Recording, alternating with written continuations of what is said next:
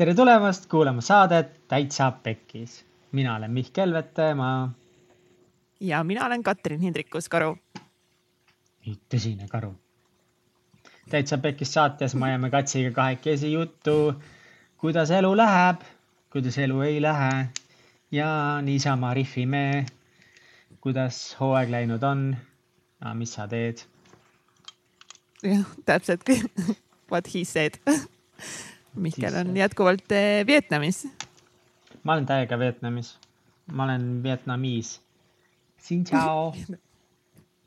ma hakkan. kas sa päriselt oskad midagi nagu päriselt vietnami keeles? ja ainult kahte asja, ainult literaali no., ma olen nelja kuuga ainult kaks asja ära õppinud. no nii, hit me. see on tere ja aitäh. ja kui sa kuskile lähed, näiteks täna käisin juuksuris esimest korda Vietnamis, läksin sisse, ütlesin xin chao see tähendab tere hirmud seal, mega legit. ja siis, kui nad mu juuksur lõpetas, siis ma olin come on. see tähendab aitäh. ma olen väga uhke su üle, et sa oled suutnud eh, kõiki selle aasta ja eelmise aasta kogemuse põhjal ära õppida kaks sõna. ja, ja siis eh, tegelikult natukese rohkem ka tähendab äh, maitsev ja väga paljude restoranide ja mingi kohvikute asjade nimed on mingi ngien midagi. ja siis äh, panbao, see on mingi väga spetsiifiline sai. Panhe on teistsugune sai. ja neid müüakse nende rollude peal, tädid panevad ringi, karjuvad. rollude peal? ja rollude peal. Neil on rollud, rollerid on ju, rollud ja siis neil on äh, taha ehitatud sihuke kaadervärk, et nagu üle selle istme. vaata rollidel on suht siuksed pikad istmed, kuhu mahub kaks inimest peale istuma. Neil on sellised, et sul mingid täis virtsad rollud, need ülisitased näevad välja. ja siis ühel pool on sihuke kaadervärk, kus on elav tuli ja seal on pott. ja siis teisel pool on nagu mingi, mingid anumad ja, ja mingid toorained ja siis ta sõidab nagu niimoodi ringi, et tal on nagu väike ahi seal ja siis seal puit põleb nagu leegiga niimoodi. ja siis mingi potis, kas mingid saiad või supp ja mingid värgid podisevad ja siis ta müüb seda. jumala crazy. täiega tore. see on nii lahe. siin on lihtsalt kõik annab rolleri peale panna, et see roller on põhiteema. kõige noh, nii nunn on vaadata neid peresid, on ju, neli inimest ühe rolleri peal, viis inimest ühe rolleri peal, kui sul on viis tükki, siis on niimoodi, et üks laps on kõige taga, siis tuleb emme siis on kõige väiksem laps, siis on isa, kes juhib ja siis tema ees veel äh, lenksu ja isa vahel on veel üks laps. ja see on täiesti tavaline asi, et sul on viis inimest kõige klassikalisem roller peal, mida te ette kujutate. täiesti tavaline, see on ülipõll ja see on ülipaljudel niimoodi ka, et neil on koerad seal rolleri peal, et nagu kaks inimest sõidavad ja seal, kus sa jalgu hoiad, siis seal on mingi labrador või midagi siis osadel on lihtsalt tagaistme peal mingi käru, veavad ära, ühesõnaga no, variante nii palju. no vot, nad lahendavad kohe oma mured ära nagu selles mõttes, et me tahame ainult mingi suuremaid autosid. aga nad lihtsalt mahutavad kogu oma pere ja loomad kõik mingi rolleri peale ära mm. -hmm. auto ostmine vist ei ole väga lihtne siin. ma ei, ma nagu, ma ei ole absoluutselt uurinud, aga eelmine aasta minu arust keegi rääkis midagi, et, et vist see auto, no et üks autod on ikkagi kallid et üldine elatustase on siin ikkagi nagu madalam. ja, ja noh, rollerid on täiesti ju nii odavad, aga et autod on suht kallid paljudele ja, ja vist kuidagi mina ei tea, kas selle auto saamiseks luba ka vaja, võib-olla ma mõtlen praegu asju välja, aga igatahes noh, kui sa mõtled inimeste arvu põhjal, siis tõesti rollerid ja nii palju autosid on selles mõttes vähem aga käisime täna ja juuksuris esimest korda, see oli mul lahe kogemus ja me käisime nagu suht mingis fancy's kohas vist äh, tänangi mõttes. et ta oli sihuke et oma disainilt suht Euroopa moodi. jälle noh, need mingid kitsad tänavad, kus on mingi miljon maja üksteise vastu pressitud ja siis ühest uksest järku, järsku on mingi juuksur. ja seal oli nii palju inimesi, sihuke kitsas peenike ruum. ja seal on rahvast täis räigelt ja seal on ka nagu töötajaid on hullult palju. et ma arvan, et seal mingi kakskümmend töötajat oli sellises väikses wow. kitsas piklikus ruumis kolm tükki nendest olid kohe ukse juures, nii et kui me läksime ukse juurde, tegid kolmekesi ukse lahti põhimõtteliselt, mingi kolm Biffi tegid ukse lahti. Literaali ja siis oli kohe mingi kaks-kolm kutti veel seisid seal. Siis oli ja kohe siis oli seal see tädi, kes oli selle nagu laua taga või selle standi taga, kes siis nagu arveldab selle arvutiga ja.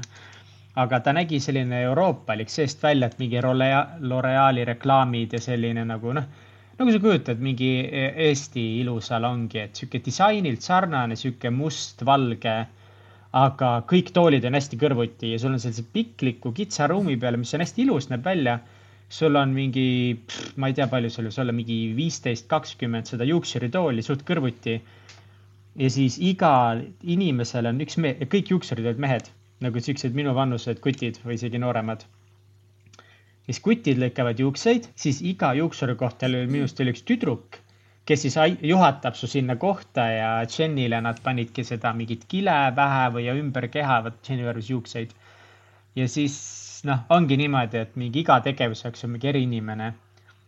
ja siis saad veel nagu massaaži ja värki seal, et äh, ma, minul kohe nagu tüüp küsis, et mingid noh, pealt lühikeseks ja külgedelt lühikeseks kuidagi vigas inglise keeles, väga mingit pikka juttu ei olnud, ma olin mingi yes, yes, okei okay,, very good midagi, no mis sa hakkad seal arutama, nii mina ei saa sittagi aru tegelikult, tema ei saa sittagi aru, ma üldse ei tea, mida ma tahan ka, nii et tüüp kohe lihtsalt tõmbas selle masinaga juustesse. mingi viie minutiga. Hot as fuck. ülikiired. täiega. ja neli Üli... euri või? neli euri. Jenny värvis juuksed, lõikas juuksed, tal läks see miljon, see on siis mingi nelikümmend euri. aga no ongi juuksevärv, lõikus, siis pluss on niimoodi, et pestakse pead, viiakse teisse ruumi, kus on sellised nagu lamamispehmed, siuksed nagu, no nagu massaažitoolid, aga veits suuremad ja pehmemad ja siis nende küljes on kraanid. sealt pikali seal, siis teevad sulle õlamassaaži, peamassaaži, kaelamassaaži oh. siis pesevad God. juuksed ära, siis teevad uuesti massaaži, siis panevad mingit palsamit, asju, värke, mis nad seal teevad. siis pesevad ära, siis teevad uuesti veel massaaži, et kogu see mingi massaaži teema võib ka mingi pool tundi aega võtta. Oh my god, kui mõnus. jaa täiesti õige, nelikümmend eurot, ma lähen ka homme juuksurisse ja no mul kindlasti nagu nelikümmend eurot ei lähe seal, vaid nagu ma arvan, et mingi sada, sada eurot miinimum nagu. sada euri? nojah, pole nii ammu käinud kas siis see kuradi väljakasv on ju nii pikk ja siis nagu noh, vaja lõigata ja kõike ilusaks teha nagu. värvi kulub ja pikad juuksed ja. oi plaan. õudne Tal..., õudne noh. me käisime massaažis ka e eile, eile käisimegi massaažis ka sellises nagu vähe kallimas kohas, et noh, nendest hindadest saab odavamalt ka. aga esimene kord kuidagi, Jen ei julgenud minna kuskile, ma ise ka tahtsin nagu mingi safe bet'i pigem võtta, aga massaažis me käisime ühes kohas, mis on ka sihuke vist nagu veits parem, ta on keskmisest tsipa kallim, aga lihtsalt hullult head review'd, ta nagu hullult fancy ei olegi, aga hästi head review'd on. ja käisime seal massaažis ja see on ka lihtsalt nagu, mis teenindust nad pakuvad, see on nii haige et tund aega võtsime arooma massaaži.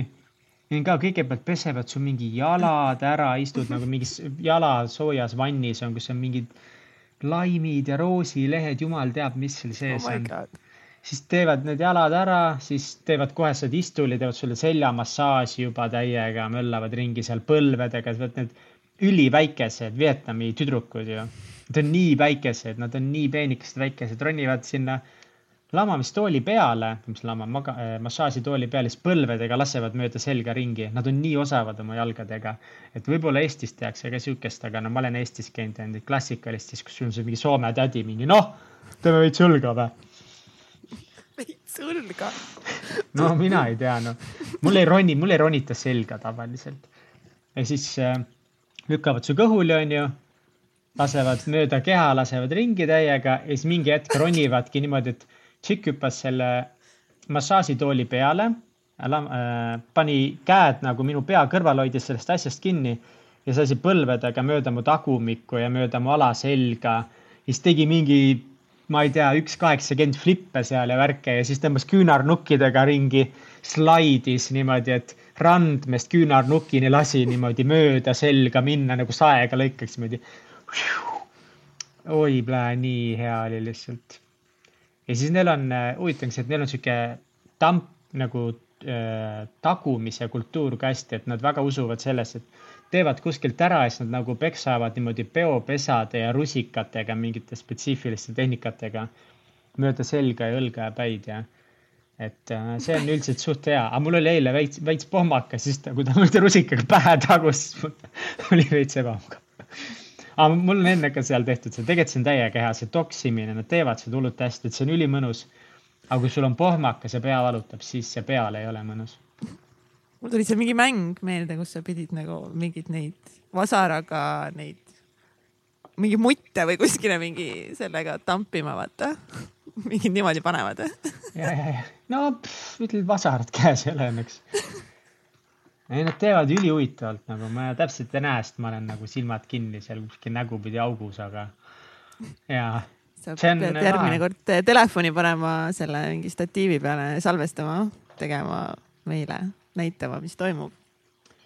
ja Monika Tanangiga nii rahul, täitsa lõpp nii rahul, nii. kuule, ära seleta nüüd, tule ei, koju, tule, tule koju tule. nüüd.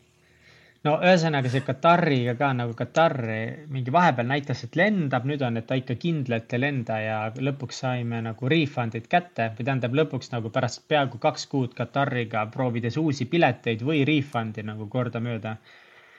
nii kaua läks seal aega, siis nad olid, et davai, teeme refund'i ära, et kõik timm on ju, kõik on korras ja siis tuleb sealt vastus ka, et ja, et nagu tegime refund'i taotlustele ära, aega läheb kakskümmend kaheksa päeva, et üle tuleb mida fuck'i, me oleme kaks kuud jebinud teiega wow.. ja siis on nad nagu, et okei okay,, kõik on korras, lahendasime ära. siis vastus on see, et veel kakskümmend kaheksa päeva läheb aega, et raha üle tuleks. Nii et me peame nagu uue raha eest ostma uued piletid mingil Lufthansa või millegagi. aga juuni alguses tundub, et. ikka nii... sõidavad siis tagasi või? ja nüüd sõidavad ja ma kirjutasin Lufthansasse ka, nad ütlesid, et meil graafik on õige ja kõik okay. on timm ja. aga ma ütlen, järgmine aasta ikka tahaks sammu tagasi, peate ka Egertiga siia tulema, meil on linn selge ja. Teil on linn selge, ega mm -hmm. me mhm. muidu ei tulekski, aga kuna teil on linn selge, et noh, siis, siis tasub nagu tulla, vaata tuleb, et tuleb siis lihtsalt plaani panna. ei ole arvan... midagi ja ma arvan, et siukseks elamiseks on täiega parem kui mingi Bali. ma ei ole küll kunagi Balil käinud, aga ma olen veits mõelnud selle peale, et kas ma tahaksin niimoodi pikaajalist elamist kuskil mujal ka proovida, ikka võib-olla tahaks, aga kui sa nagu mõtledki tulla siia ja elada nii-öelda nagu võimalikult normaalset elu, et sa keskendudki tööle ja siuksele igapäevasele asjatamisele, siis siin see nagu hinna, kvaliteedi, infrastruktuuri tasakaal on nii hea, sul on kõik olemas samas sul on nagu piisavalt rahulik, piisavalt odas, odav, samas piisavalt kallis, et oleks kvaliteetne. uh, täiega kurb ka tegelikult, et me nagu tagasi tuleme, kuigi ma igatsen juba päris palju asju Eesti juures, kodu ja kõiki teid ja. aga ikka samal ajal on kurb siit ära minna. no eks ikka, aga loodame, et saab ikka tagasi minna ja. jah. aga noh, ei tea ju, mis see maailm toob meile oi, seda ei tea. kuule, mis sa eile vaatasid, sa rääkisid, sa vaatasid eile mingit podcast'i või, kuulasid uh,? ja no ma olen hullult, eh, ma arvan, viimased mingi pool aastat kindlasti nagu mega suur nagu Lewis House'i fänn. varem ma olin nagu lihtsalt eh, Lewis House on äge, aga nüüd ma olen lihtsalt nagu mingi oh my god, Lewis on lihtsalt nagu kõige lahedam, nii et kes veel ei kuula, siis uh, School of Greatness podcast siis Lewisel kuulake kindlasti seda, tal on nagu kõik episoodid lihtsalt super, ta tegi ülilaheda episoodi just ka mingi aeg tagasi koos eh, Jesse Itzleri ja Sarah Blakely'ga, mis oli ka lihtsalt nagu. Need inimesed lihtsalt, nad ei ole lihtsalt nagu, nad ei saa olla päris inimesed nagu. nagu siis, et see Jesse on täiesti õige, tuleb üks päev koju karantiini hull aeg onju ja ütleb Saar Saarale, et kuule, et ma veits e-poes shoppasin, et tule korra õue, et ma näitan sulle, mis ma ostsin onju Saara mingi okei okay,, no mis te sealt e-poest ikka sai osta. tüüp ostis nagu vist kõige suurema RV tead, need suured, need, bussid, millega nad ringi reisivad, jah. Kämp, mitte campervan, aga nagu jah, see Need mm -hmm. nagu mingid kõige jõhkramad elukad nagu sihuke oli mingi, mingi sinna driveway'le pargitud nagu mingi lihtsalt vend ostis nagu selle, siis mõtles, et lihtsalt oleks nagu lahe mingi perega minna eh, trippima RV-ga nagu. no kui su Jot. naine on sisuliselt miljardär vist peaaegu juba ja siis sa oled miljonär, siis see ei ole nagu väga keeruline. aga see, et kuidas nad said muidugi miljardärideks ja miljonäriks, see on nagu, see lihtsalt ja kes ei tea, kes Sarah Blakely on, ma ise, Jenny on ka tema fänn, ta on üks mm., üks, äh, mina ei tea, ta oli mingi hetk vist kõige noorem self-made äh, biljonär vist või? tegi selle naiste Äh, suka naist- pesubrändi Spanx. sukapesubrändi, no mis ta siis on? pesubränd Spanx. ma ei tea, kas ta, kas seda vist ju sukapesubrändiks nimetatakse. no Spanx, vormiv pesu. Aga mis see, pesu. milles see eilne episood oli? oh my god, koos eh, Jay, Jay Shettiga. ja tea, siis kes nagu nii lahe. ta on nagu midagi taolist, nagu on see Mindvalley looja Vision, ka Mhm. hästi selline spirituaalne ja kunagi ka mingi munkadega koos elanud ja nüüd ta kirjutab ka mingi raamatut, et eh, mingi ka mingi How to live like a monk või midagi sellist ja nende mingi põhi, principle'id, mis, mis on hästi lahe ja siis nagu mega cool oligi kuulata seda podcast'i nagu sellest, kuidas nad alguses rääkisid, kuidas siis nagu see Jay Shetty ja Lewisest on saanud nagu läbi aastate tänu podcast'iga tutvumisele nagu nii head eh, sõbrad ja kuidas nad nagu koos mingi käivad dinneritel ja arutavad nagu maailma asju ja, ja nii kihvt, et kuidas see podcast'i maailm ikkagist nagu ühendab eh, inimesi. see oli nagu lahe. üldse kogu, kogu see podcast oli nii kihvt Eh, kuidas nad rääkisid lihtsalt nagu elust ja väärtustest ja, ja mõtlemisest ja, ja kõigest, et nagu crazy. ühesõnaga kuulake kõike School of Greatnessi lihtsalt, kõik osad kuulake ära ja siis andke teada, milline on teie lemmik, lemmiksaade. kas see oli oota mingi viim-, viimastest episoodidest siis või? see oli üks, üks viimastest vist jah, ma ei tea, me sõitsime eile autoga, siis, siis me kuulasime seda või noh, mina kuulasin, Egert vist magas kõrval. kus te käisite, kust te tulite? me käisime, me käisime va- vanaemadel külas, Gerti vanaemal äh, Rakvere lähedal Kabalas ja siis minu vanaemal Võsul. siis me tripisime veits ringi, kuidas tal läheb vihma? sadas. kellel? Võsu vanemal? Võsu vanaemal või? kuule nagu praegu täitsa nagu okei okay.. nagu vana inimesel ikka kõik haigused, mis olla saavad, aga, aga praegu on nagu hästi, see emme jäi ka veits sinna Võsule äh, chill ima. aga vihma sadas ja mingi rahet sadas vahepeal ja no sihuke korralik Eesti neli äh, seda äh, hooaega ühes päevas, kevad, suvi, talv. ja Mihkel, sa tuled siia, siis sa saad Oi. seda tunda. no loodame, et juunis on ikka juba, juba parem, aga nagu ei ole hullu. Selles mõttes lihtsalt sa ei tea kunagi, kui sa hommikul välja lähed, mis riietega sa peaksid minema välja. tean küll, mul piisab lühikestest pükstest iga hommik terrassile minekuks ah,. ma pean, ma pean veel rääkima. nagu see muidugi., see terrassile minek, saad aru. jälle mingi päev mõtlesin, et kuidas ikkagi, tegelikult kui hästi kõik on, vahepeal mõlemad oleme sellised, et aa, üldse ei ole nii hästi, et peaks palju paremini olema ja siis Mm -hmm. Mingi päev ma just tegin seal terrassil jälle tööd ja, või terrass on vist vale sõna. ma, ma ei tea, kas terrass on ainult see, mis on nagu maja taga muru peal või, või terrass võib olla nagu kuskil maja katusel ka või? seda ma ei tea, kas terrass on katusel, aga terrass on nagu ikka suur sihuke. aga mis, mis see on, kui sul on nagu maja katusel nagu terrass või rõdu või? ma ei tea, mul pole õrna aimugi. kui sul on, maja katusel. No katus, siis ongi katus. Balkoni katuseterrass nagu-, katuseterrass. aa, katuseterrass, no palun väga, ühesõnaga see katuseterrass või kus ma töötan ja chill ime. siis kunagi ma unistasin, mul on siit pilte sellest nagu New York on nagu mingi kõikide inimeste, mitte kõikide, aga paljude inimeste üks ka sihuke mingi koht, kus tahad minna või elada või sihuke tundub nii seksikas ja lahe. ja mulle meeldib ka just see Manhattan ja need suured tornid ja nende tornide mm. -hmm. noh, mingi kõige nagu ultimate, üks ultimate dreamidest on ka see, et umbes kui oleks kuskil New Yorgi sellise veits vanaaegsema stiilse pilvelõhkuja katusel mingi penthouse, et vaat seal osade tornide katusel on ehitatud, sul on nagu torn ja siis nagu torni otsas on veel nagu mingi mõis. et see nagu läheb niimoodi sinna hästi otsa, siukest igast lahedat penthouse'i on ja need on enamasti siukest tumedat halli värvi, kui sa kujutad New Yorki ette ka, on sihuke hall betoonist, klaasist, metallist erinevad pilvelõhkujad. Seda värvi on ju. ja nüüd ma istusin oma terrassi peal ja ma vaatasin, et tegelikult see meie terrass on samamoodi, et on sellised hallid, tumedad betoonist põrandaplaadid, mustad äärised, need rohelised lilled ümber.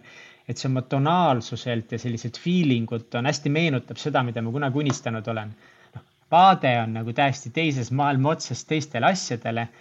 jälle sama asi, et, et nii paljud unistused võivad sul nagu mingil määral täide minna, aga lihtsalt hoopis teistmoodi, kui sa arvad või kui sa oskad ette oodata neid, ette aimata, ette näha. nii erinevalt, siis sa peadki ära tundma selle, et oh, et see on ju tegelikult üks nendest asjadest, mida ma olen tahtnud või, või mis mulle on meeldinud või et, et sa pead nagu ära tundma selle hetke, kus sa pead olema tänulik, korraks selle aja maha võtma ja lihtsalt nagu mõtlema selle peale, et vau wow.. ja siis edasi pingutama oma eluga. Mingi sekundiks mingi ei no wow. ikka pikemalt oh., iga päev võtta mõned sekundid. ja see eilses asjas seal Lewis ja need Jade, nad rääkisid täpselt ka samast asjast, et, et kuidas siis nagu peaks nagu eh, celebrate ima eh, mingeid võite ja siis kaotusi samamoodi, et eh, tihti ongi need, et kui me midagi läheb pekki, siis me hullult nagu kaua oleme selles, et me oleme fail inud, me oleme kaotanud, me püsime selles mode'is ülikaua ja kui me võidame, siis me celebrate imegi mingi ka mingi sekundi ja siis on kõik enam-vähem. aga siis peakski olema umbes niimoodi, et ma tähistan eh, mingi päeva ja ma, kui ma tunnen, et ma olen kaotanud, siis ka päev, üks päev mm.. nagu kõik ja liigume nagu asjadega edasi. et aga, et just nüüd rääkis ka sellest tähistamisest ja, ja tänulikkusest ja et, et kui me saa-, noh kui me saavutame midagi suurt või väikest, et ikkagist nagu võtta see hetk ja tähistada, kasvõi minna sõpradega õhtusöögile või no mis iganes see sinu jaoks see tähistamine on. et mitte, et nagu ma pingutasin mingi kuu või kaks või aastaid, mis iganes ja siis nagu mingi davai kutid, tehtud, nii, mis järgmiseks? Et, et tähistada, tähistada seda ja, ja samamoodi kui midagi perse läheb, et siis sa mingi kuu aega ei nuta selle pärast, vaid nagu üks päev mingi nutad ja oled vihane ja pahane ja siis, siis liigud edasi vana hea tasakaal, tähistad eh, viis minutit, nutad kuu aega vana hea, vana hea tasakaalu valem vana hea tasakaalu valem. kuidas sul üldse endal eh, tasakaaluga läinud on, kas sa mõtled nüüd nagu selle kvartali peale, viimased kolm kuud on noh, crazy'd ajad olnud kõiges, aga mis sa ise õppinud oled või et seal, mis sul on ka nagu neid mhm. erinevaid rutiine või harjumusi päris palju muutunud, sul on uusi juurde tulnud, sa oled mingeid uusi nurki leidnud mm. -hmm. jah, see ongi nii veider vaadata nagu tagasi sellele aasta algusele ja siis eh, nagu kus on täna, et nagu kõik on, eh, kõik on nagu muutunud ilmselgelt tänu sellele olukorrale meil maailmas.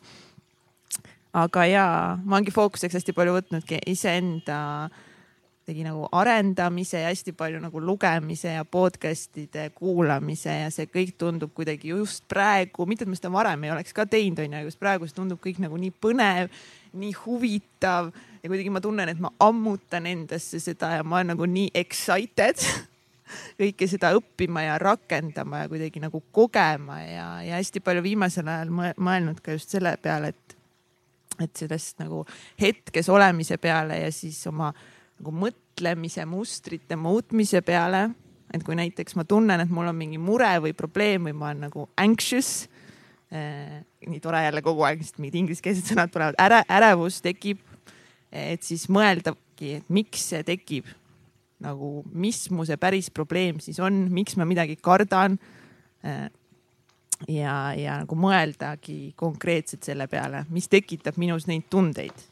millal see? ja see on nii veider nagu mille üle sa tundsid näiteks viimati ärevust no,? ja kui sa kui mõtlesid siis ei... selle peale? näiteks kui ma ei julge näiteks kellelegi helistada, nagu siis ma kardan, et ta ütleb mulle ei. ja siis, et mingi okei okay., okei okay,, ta ütleb mulle ei, okei okay,, aga mida ma nagu päriselt äh, kardan ja siis ongi see, et me hakkame endale peas nagu neid mingeid haigeid lugusid välja mõtlema, mis jõuavad välja lihtsalt selleni, et mingi I m gonna die nagu ja siis saad sellest aru, mõtled nagu täitsa pekkis nagu, mis lugusid me enda peas nagu loome, et me oleme kõik mingid kuradi filmi režissöörid, lihtsalt mingid nolanid valmis nagu et lihtsalt need stsenaariumid, mis peas tekivad, on täiesti haiged. ja siis, ja siis lihtsalt nagu, no ma loen praegu seda raamatut ka, see The Power of Now ja seal lihtsalt ongi, et lihtsalt äh, vaata, et kui sul tekibki mingi ärevus, siis lihtsalt vaata enda ümber. kasvõi mingit märkmiku, tassi, kruusi, õue, hinga ja lihtsalt ole selles hetkes ja selles hetkes ei ole sul mitte ühtegi probleemi, mitte ühtegi muret, mitte midagi. ja siis kuidagi nagu selle teadvustamine endale ongi okei okay. ja kas ma saan seda muret nagu kohe lahendada või ei saa. ja kuidagi nagu see aitab nii, nii palju just eh, nagu aru saada, et miks ma midagi nagu mõtlen või tunnen või kogen. ja huvitav, lihtsalt huvitav, huvitav teekond on see praegu. kui sa hakkad aru saama nagu, et mis lugusid me endale peas nagu välja mõtleme see on päris crazy. huvitav, kust, et no kui sa nüüd, kas sa oled tegelikult nagu need mõlemad on nagu ülipikalt igast mingeid raamatuid ja asju mm -hmm. lugenud ja proovinud nagu endaga tegeleda ja kuidagi hakkama saada, paremini hakkama saada. aga kust sul praegu see selline siis nii suur see energia õppimiseks ja katsetamiseks tuli hmm.? hea küsimus kust ta tuli? ma ei tea. eks see tuli kindlasti, sai alguse sellest meie saja päeva äh, challenge'ist, kui me hakkasime seda hommiku, kui mina hakkasin seda hommikurutiini nagu tegema. tegelikult või? kas ta nagu vaikselt, vaikselt muidugi tuli nagu sealt, kui ma hakkasin onju uuesti seda äh, Tony, Tony Robbinsi ühte raamatut äh, lugema nagu sealt, aga kuidagi nagu. aga mi, mis faas, mingit...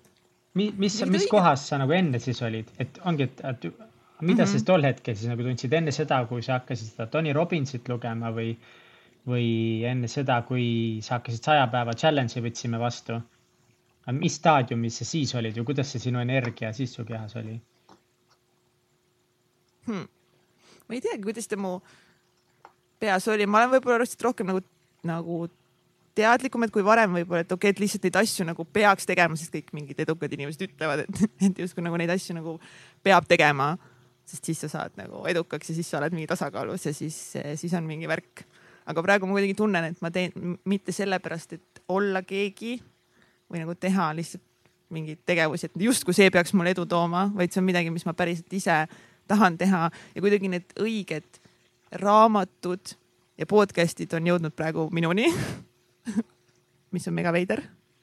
et nagu kõik näiteks see Simon Sineki eh, The Infinite Game siis ma lugesin seda ja siis see kuidagi see mingi äratundmisrõõm mingites kohtades ja, ja kogu see, et nii tihti me tahame nagu justkui olla number üks, et ma pean olema number üks, siis Simon ütleb, sellist asja ei eksisteeri.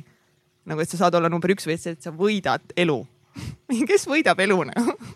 Sa ei võida elu nagu, et, et see eesmärk ei ole võita, vaid jätkata seda mängu kogu aeg et me tihti panemegi nagu endale, et me oleme selles nagu finite äh, mõtlemises ehk siis piiritletud mõtlemises nagu jalgpallimängus, et sa saad jalgpallimängu võita.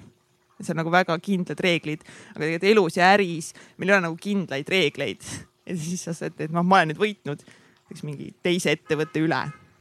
nagu, et noh, ma olen nüüd kuidagi temast parem, et eesmärk on jääda mängima seda mängu, seda elu ja kasvõi kui me teeme täitsa pekis saadet või me teeme mingit muud ettevõtlust, et siis on see millegi suurema nimel, et see, kui meid ei ole või meie ei taha enam tegeleda sellega, siis teised inimesed võtavad üle ja nad viivad seda meie eesmärki ja missiooni edasi.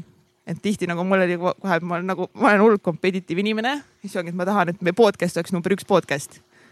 mis see tähendab nagu see ei peaks olema meie eesmärk olla nagu number üks või et meie turundusagentuur on nagu number üks agentuur Eestis nagu nagu, kes need reeglid paika paneb ja mille alusel me ütleme, et me oleme number üks. see on küll huvitav, sa oled alati tahtnud olla ja nagu, et sa selles mõttes mida teeme nagu, et ei no võtame eesmärgiks ikka vähemalt parimaks saada, et noh, sa ei ole mingi noh.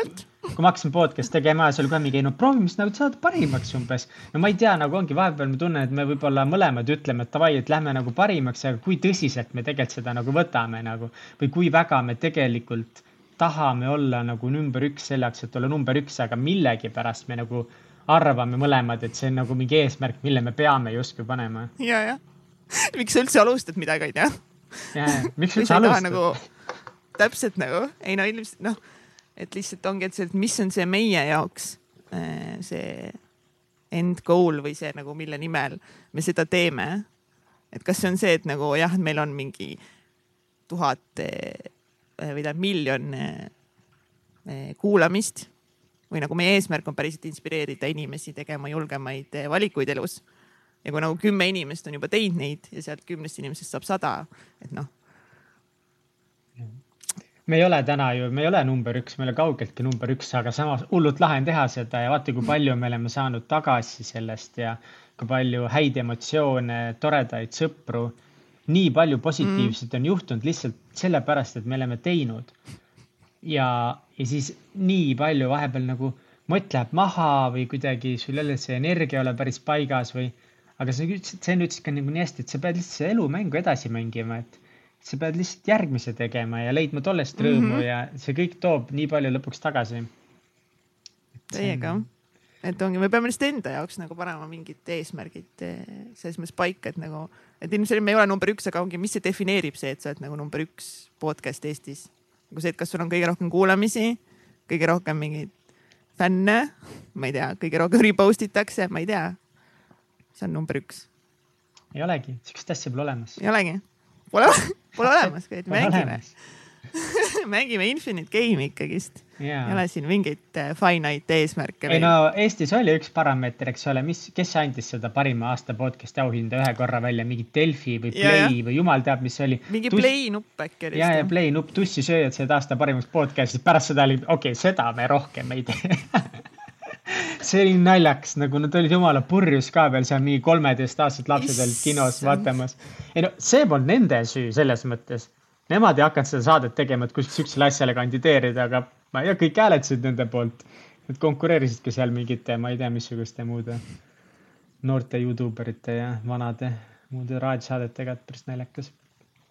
aga see hooaeg on mõnes mõttes suht rahv nagu olnud just see, et äh, see eemalolek nagu ma ikka see aasta arvasin ka, et ma suudan selle Vietnami kuidagi teistmoodi teha, aga siin ikkagi nagu suht töö on kõike valitsenud suuresti ja mingeid asju on nagu lihtsam, on jumala okei okay teha, kui sa oled kaugelt ja saabki teha kaugelt, aga no näiteks see saate tegemine kaugelt on ikkagi päris nagu raske olnud, ei ole nagu nii mõnus seda teha kaugelt ja see ja eriti see tundub ka siis nii kauge, et kui ma olengi nii eemal sellest, eks ole, et sa oled siin seda asja ilusti run inud ja push inud. ja see on, ja sul ongi mingi miljon tööasja on peas ja uued väljakutsed seal ja siis veel proovid selle äpi kuidagi hakkama saada. ja siis lihtsalt nagu kogu aeg kuskil taga, kuule, sa tahaks hullult saadet teha, aga justkui nagu ei saa või et see ei ole siin, ma olen mingis teises maailma otsas ja see on nagu täiega, selles mõttes on täiega raske olnud ja ei on küll. aga huvitav nagu ongi lihtsalt see, et isegi kui on nagu mingi raske olnud või et isegi nagu terve meie kahe hooaja jooksul me oleme ainult ühe nädala skip inud äh,. kui meil ei ole episoodi välja tulnud. nagu iga nädal meil on ikkagi saade välja tulnud, kui me oleme commit inud seda tegema ja see on lihtsalt fucking amazing see on lihtsalt nagu mingi mida pekki nagu iga esmaspäev on olnud eh, saade eetris, kui meil hooaeg käib.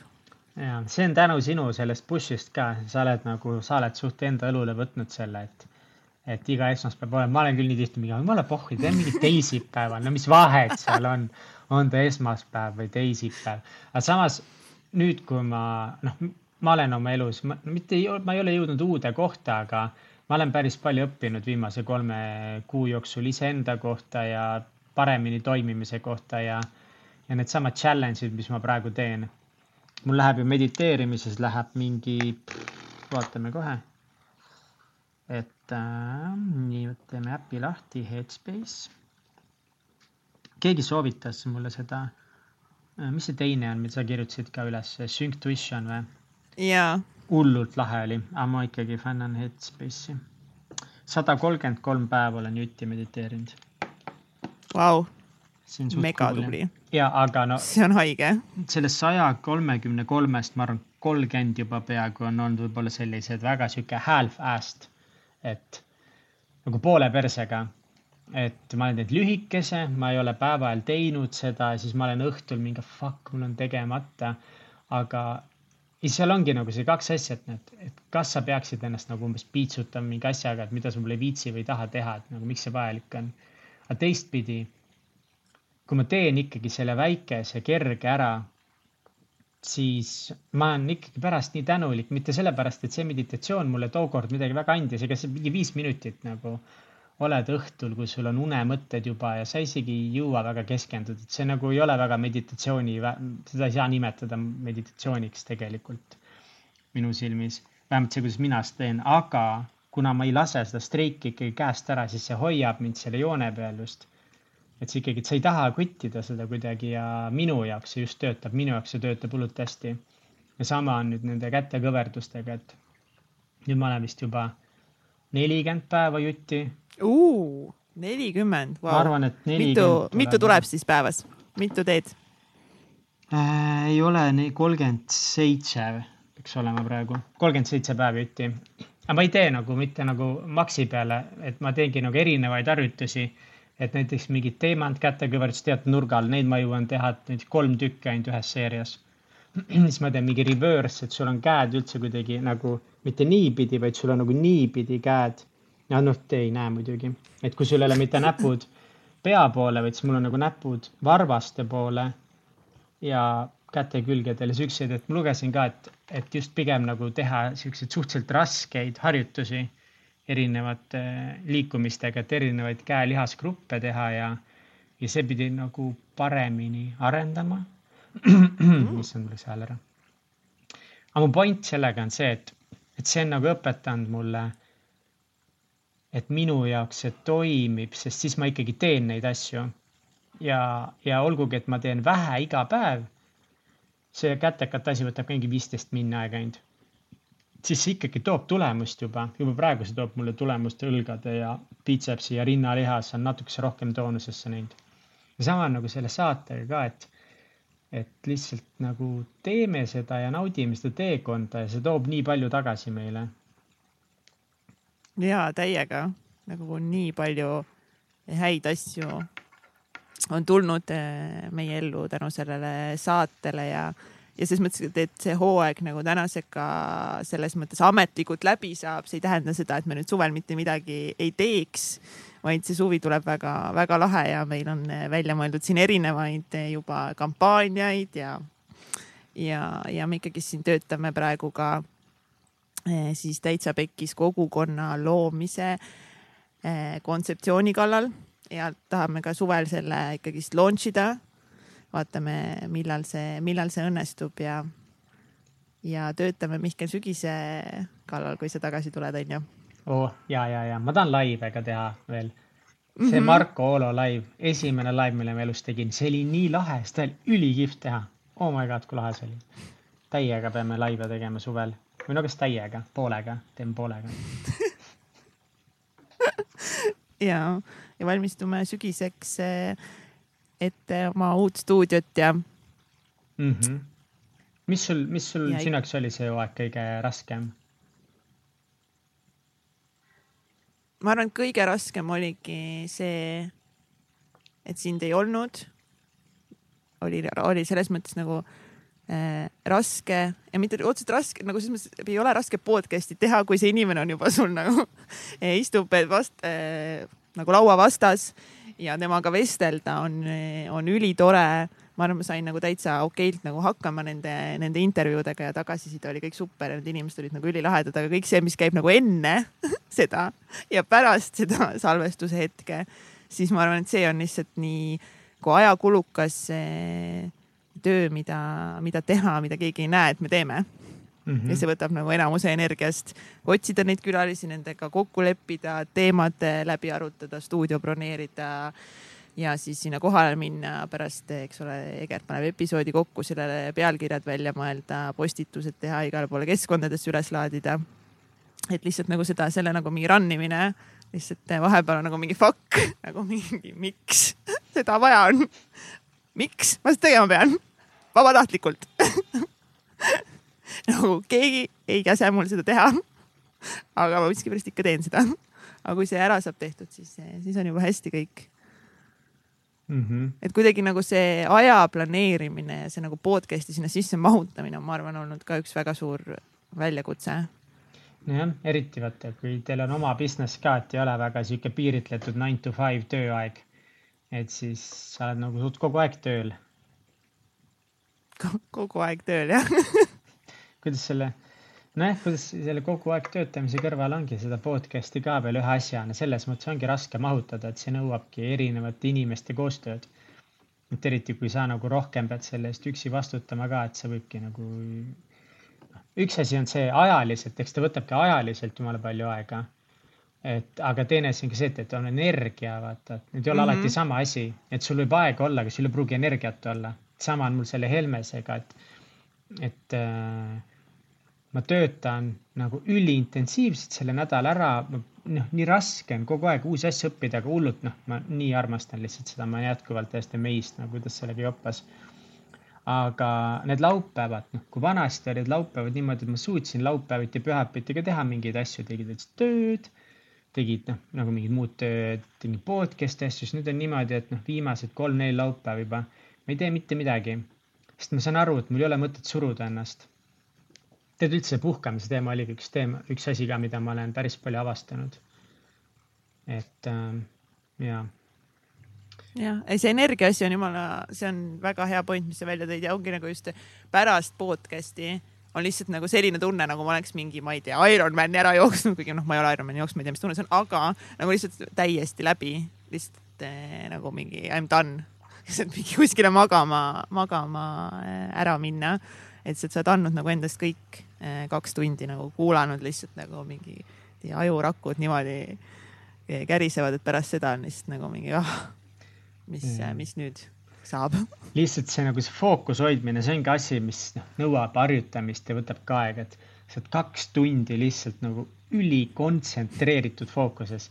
lihtsalt nagu vaatad seda inimest ja sa oled pool stiip lihtsalt, noh. mida sa räägid, ma kuulan sind, sa vaatad öökuli silmadega otsa. Ma olen suur radar, võtan kõik vastu, keeran sinu vastu kõik. Ja sa oled nii kohal, aga siis kõige naljakam ongi see, et kui sa korraks nagu zone out'id, jääd midagi vaatama, siis kaks lauset on mööda läinud, siis tuleb see paanika, mida ta just rääkis, millest ta rääkis, oh my god, oh my god, mis ma küsida üldse tahtsin. Läheb veel kolm lauset mööda, et see on nagu nii naljakas ja et kus sa oled see full fookuses ja kui see vahepeal kukub, siis tuleb see kerge paanika, segadus, loodad, et ei pannud midagi olulist nagu mööda, siis lähed edasi, et noh, pärast seda tõesti ja see on üliväss jah, ja siis nagu, siis keegi küsib, aga millest täna siis, aga millest te rääkisite siis seal saates? nagu noh, umbes mingi pool tundi pärast salvestust. siis ma mingi, ma ei tea. Ma ei tea, millest me rääkisime, aga see oli megapõnev soovitan kuulata. Täiega lemmikepisood oli, see oli mu lemmikepisood põhiline on alati see, ai, see on nagu parim saade ever nagu, mis on jumala tõsi, see on nagu täiega mingi cheesy, aga see on nagu enamus saadete puhul nagu nii tõsi lihtsalt, et nagu mingi oh my god, jälle nii hea saade. Oh my god, oh my god. see ongi lihtsalt, see on see energia, mis me saame seal nagu üheskoos rääkides, kuidagi naerdes, mingite huvitavate teemade arutades, et, et see on lihtsalt eraldiseisev asi, et see energia, mida sealt saad, see on nagu ka nii hästi tugev ja positiivne ja, ja kuidagi jah inimestega, vaata, me oleme sotsiaalsed loomad tegelikult ja, ja meile meeldib inimestega tutvuda. ja, ja need tutvumised seal ongi, need on nii sisukad, vaata, need ei ole pinnapealsed, mingi joo, ma olen Karl, ma olen Mati, cool, vaid noh, mingi su isa suri ära või, kuidas sa tundsid ennast siis? Et see on, see on põnev, see on kurb, see on emotsionaalne, see pakub nii palju värvi elule see on nagu film, aga sa oled seal sees mõnes mõttes. täpselt. I, I, I love it nagu. By the way, kui tahate, et me teeksime filmi, teeksime paremini, siis patreon.com kaldkriips. ma hakkasin ütlema juba vale podcast'i nime, sest ma lihtsalt kogu aeg mõtlen sellele tussisööjatele. ma olin mingi patreon.com kaldkriips tussisööjad oh ma, ma no,, no, no, no. ma armastan. aga te võite neid ka toetada selles mõttes, nad on mega tublid ja toredad. ja, aga ikkagi. nagu shout out. täitsa pekkis, täitsa pekkis on tegelikult see patreon.com kaardis täitsa pekkis uh. ja, aga võib-olla siin on nagu hea koht, kui me juba sellest Patreonist ka räägime üleüldse, kui ma olen mõelnud nagu järgmise hooaja peale ja võib-olla nagu inimeste peale, eh, keda meil oleks veel tiimi vaja siis kindlasti meil oleks vaja saate, saatetiimi veel inimesi, et meil on praegu Triin, kes teeb research'i, shout out to Triin uh!. Triin on täiega tubli. Triin on mega tubli, me oleme täiega sitad äh, podcast'i firma juhid. see on nii haige lihtsalt. me oleme kogu aeg mingi, tahame vabatahtlikke, tulge appi meile. ja siis on mingi, Triin tuleb ja lihtsalt kogu selle virvarri keskel nagu, kui ja, mitu korda me oleme unustanud Triinule mingi info edasi anda.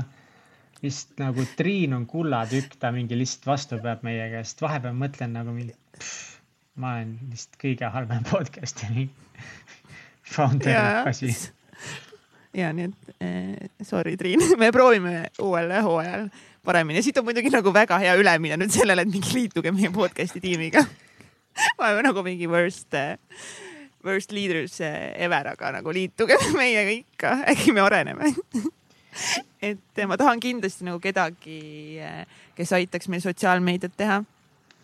aga mul on mega palju mõtteid ja ideid, kuidas seda teha, et lihtsalt keegi oleks abis, kes, kes seda teeks ja keegi, kes aitaks meil teha show notes'e ja keegi, kes aitaks meil kirjutada artikleid eh, siis eh, eh, Delfisse ja mujale. aga kas me tahame seda või, seda, need artiklite kirjutamist? loomulikult, loomulikult, sest meie eesmärk on inspireerida inimesi ja kuidas me saame inspireerida rohkemaid inimesi, kui see info jõuab rohkemate inimesteni ja nagu selles mõttes, et see ei ole nagu midagi üli, ülikeerulist kui me tahame niikuinii sellest episoodist nagu teha mingeid show notes'e ja kui meil on mingi kokkuvõte, et millest me seal saates räägime, siis tegelikult panna see nagu siukseks eh, väikseks artikliks eh, kokku. Noh, tegelikult ei ole midagi hullu, lihtsalt nagu you can't do everything. ja lihtsalt ei jõua kõike teha.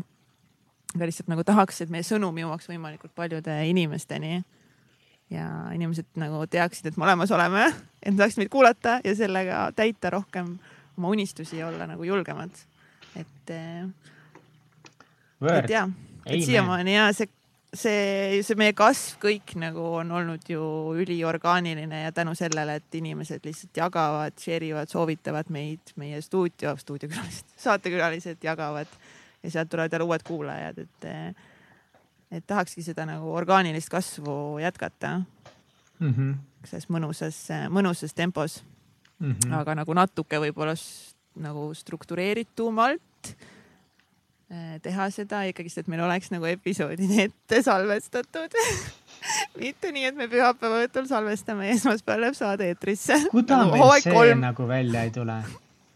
see, oota sest me oleme kui keegi küsib, mis on kõige näiteks kõige suurem väljakutse uh,, siis ja, äh, ja. meie kõige suurem väljakutse ongi see ette, või noh, ongi mõnes mõttes olla nagu planeeritud, et me ei olegi nagu, meil ei ole see planeerimine väga hästi välja tulnud ja ma arvan, et see on jällegi sellega seotud, et eh, tööd, millega me mõlemad oma igapäevast leiba teenime, et, eh, et kui me seal ei ole planeeritud, siis jääb üür maksmata.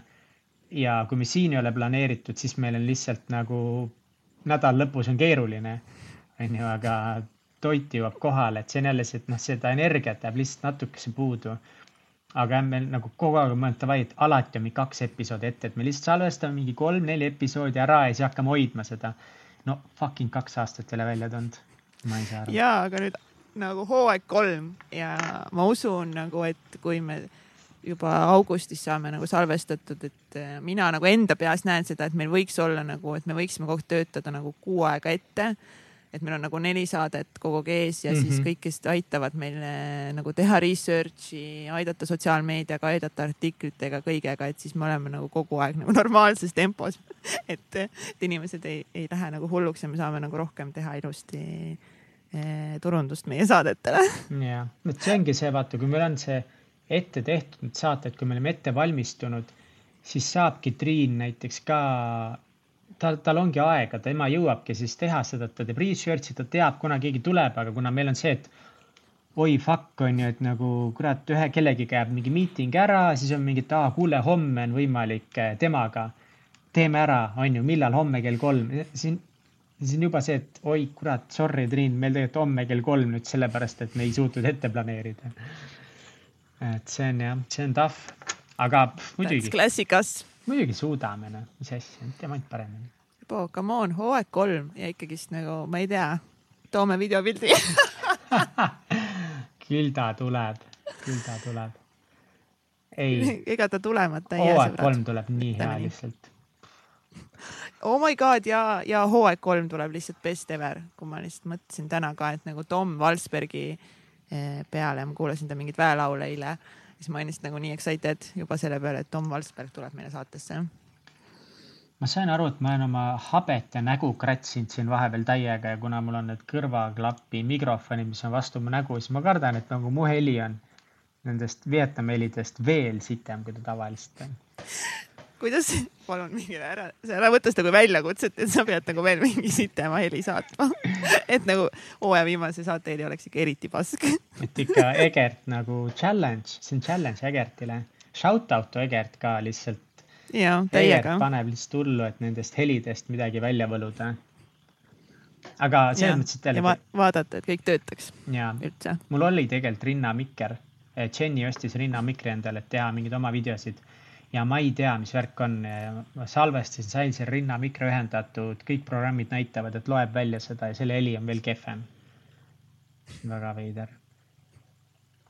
jah, me ei tea, me ei oska seda kommenteerida, kui lihtsalt, et nagu sorry et äh, meie viimaste saadete Mihkli heli on sitt olnud aga you gotta do what you gotta do nagu selles mõttes ma hakkasin eile kuulama kusjuures seda Tom Pilju ühte podcast'i autos. Ja nagu noh. Impact Theory. Ma ei saanud kuula- ja Impact Theory't ja ma ei saanudki hakata seda kuulama, see oli mingi hullu mingi kuradi investment kuruga seal, mäletan, mis ta nimi oli. ja lihtsalt nagu ma ei suutnud kuulata seda, siis isegi Tommi heli oli täiesti saast noh, mitte selle külalise ma saan aru, et need läbi on ju, võib-olla külalisel polnud võimalus ja salvestab telefoniga, mis iganes, aga Tommi heli oli nii halb siis ma olin nagu mingi okei okay,, isegi kui Tom noh, kes on kuradi, tal on siuksed stuudiod, et lihtsalt nagu mingi kraanad ja ma ei tea, sada kaamerat ja tohutu tiim taga. nagu isegi kui tema heli on täis saasti ja ma ei saa kuulata, siis noh, siis ma olin nagu mingi okei okay noh, me, meil on veel võimalus siit välja tulla. see on ajutine, see on olukorra sunniline, selles mõttes see ei ole pahatahtlik see on olukorra sunnilist nii juhtunud. jah, aga kui see sisu oleks ikkagist olnud nagu nii huvitav minu jaoks, siis noh, et mul oleks vaja olnud seda infot nagu saada või kuidagi nagu, siis ma oleks loomulikult selle ära kuulanud, et ikkagist sisu võidab lõpuks selle noh, kui sa ikkagist noh, kui see on nagu vähegi kuulatav mm., siis sisu võidab mm. -hmm. Mm -hmm okei okei. True. True. tahtsin sellest äh, puhkamisest no. rääkida. ah, see on nagu ülihuvitav, mis ma olen avastanud. üks teema on see, et ma ei ole kunagi aru saanud, mida puhkamine täpselt tähendab ja no ma saan sellest aru, et äh, magamine on oluline, eks ole, et kellel iganes ja keskeltläbi kaheksa tundi öösel peaksid magama, võimalikult samal ajal alati ärkama magama minema. aga just see nagu see läbipõlemine, et mida see kõik nagu täpselt tähendab, et, et kuna sa oled läbi põlenud versus kuna sa oled lihtsalt hullult nagu väsinud ja kuna sa pead puhkama versus kuna sa lihtsalt tunned, et oh, et see ülesanne hetkel on väga keeruline või. Need on minu jaoks nii hägusad piirid olnud ja ma ei ole kunagi aru saanud, võib-olla lihtsalt ma ei ole tundnud neid kõige tugevamaid tundeid enne.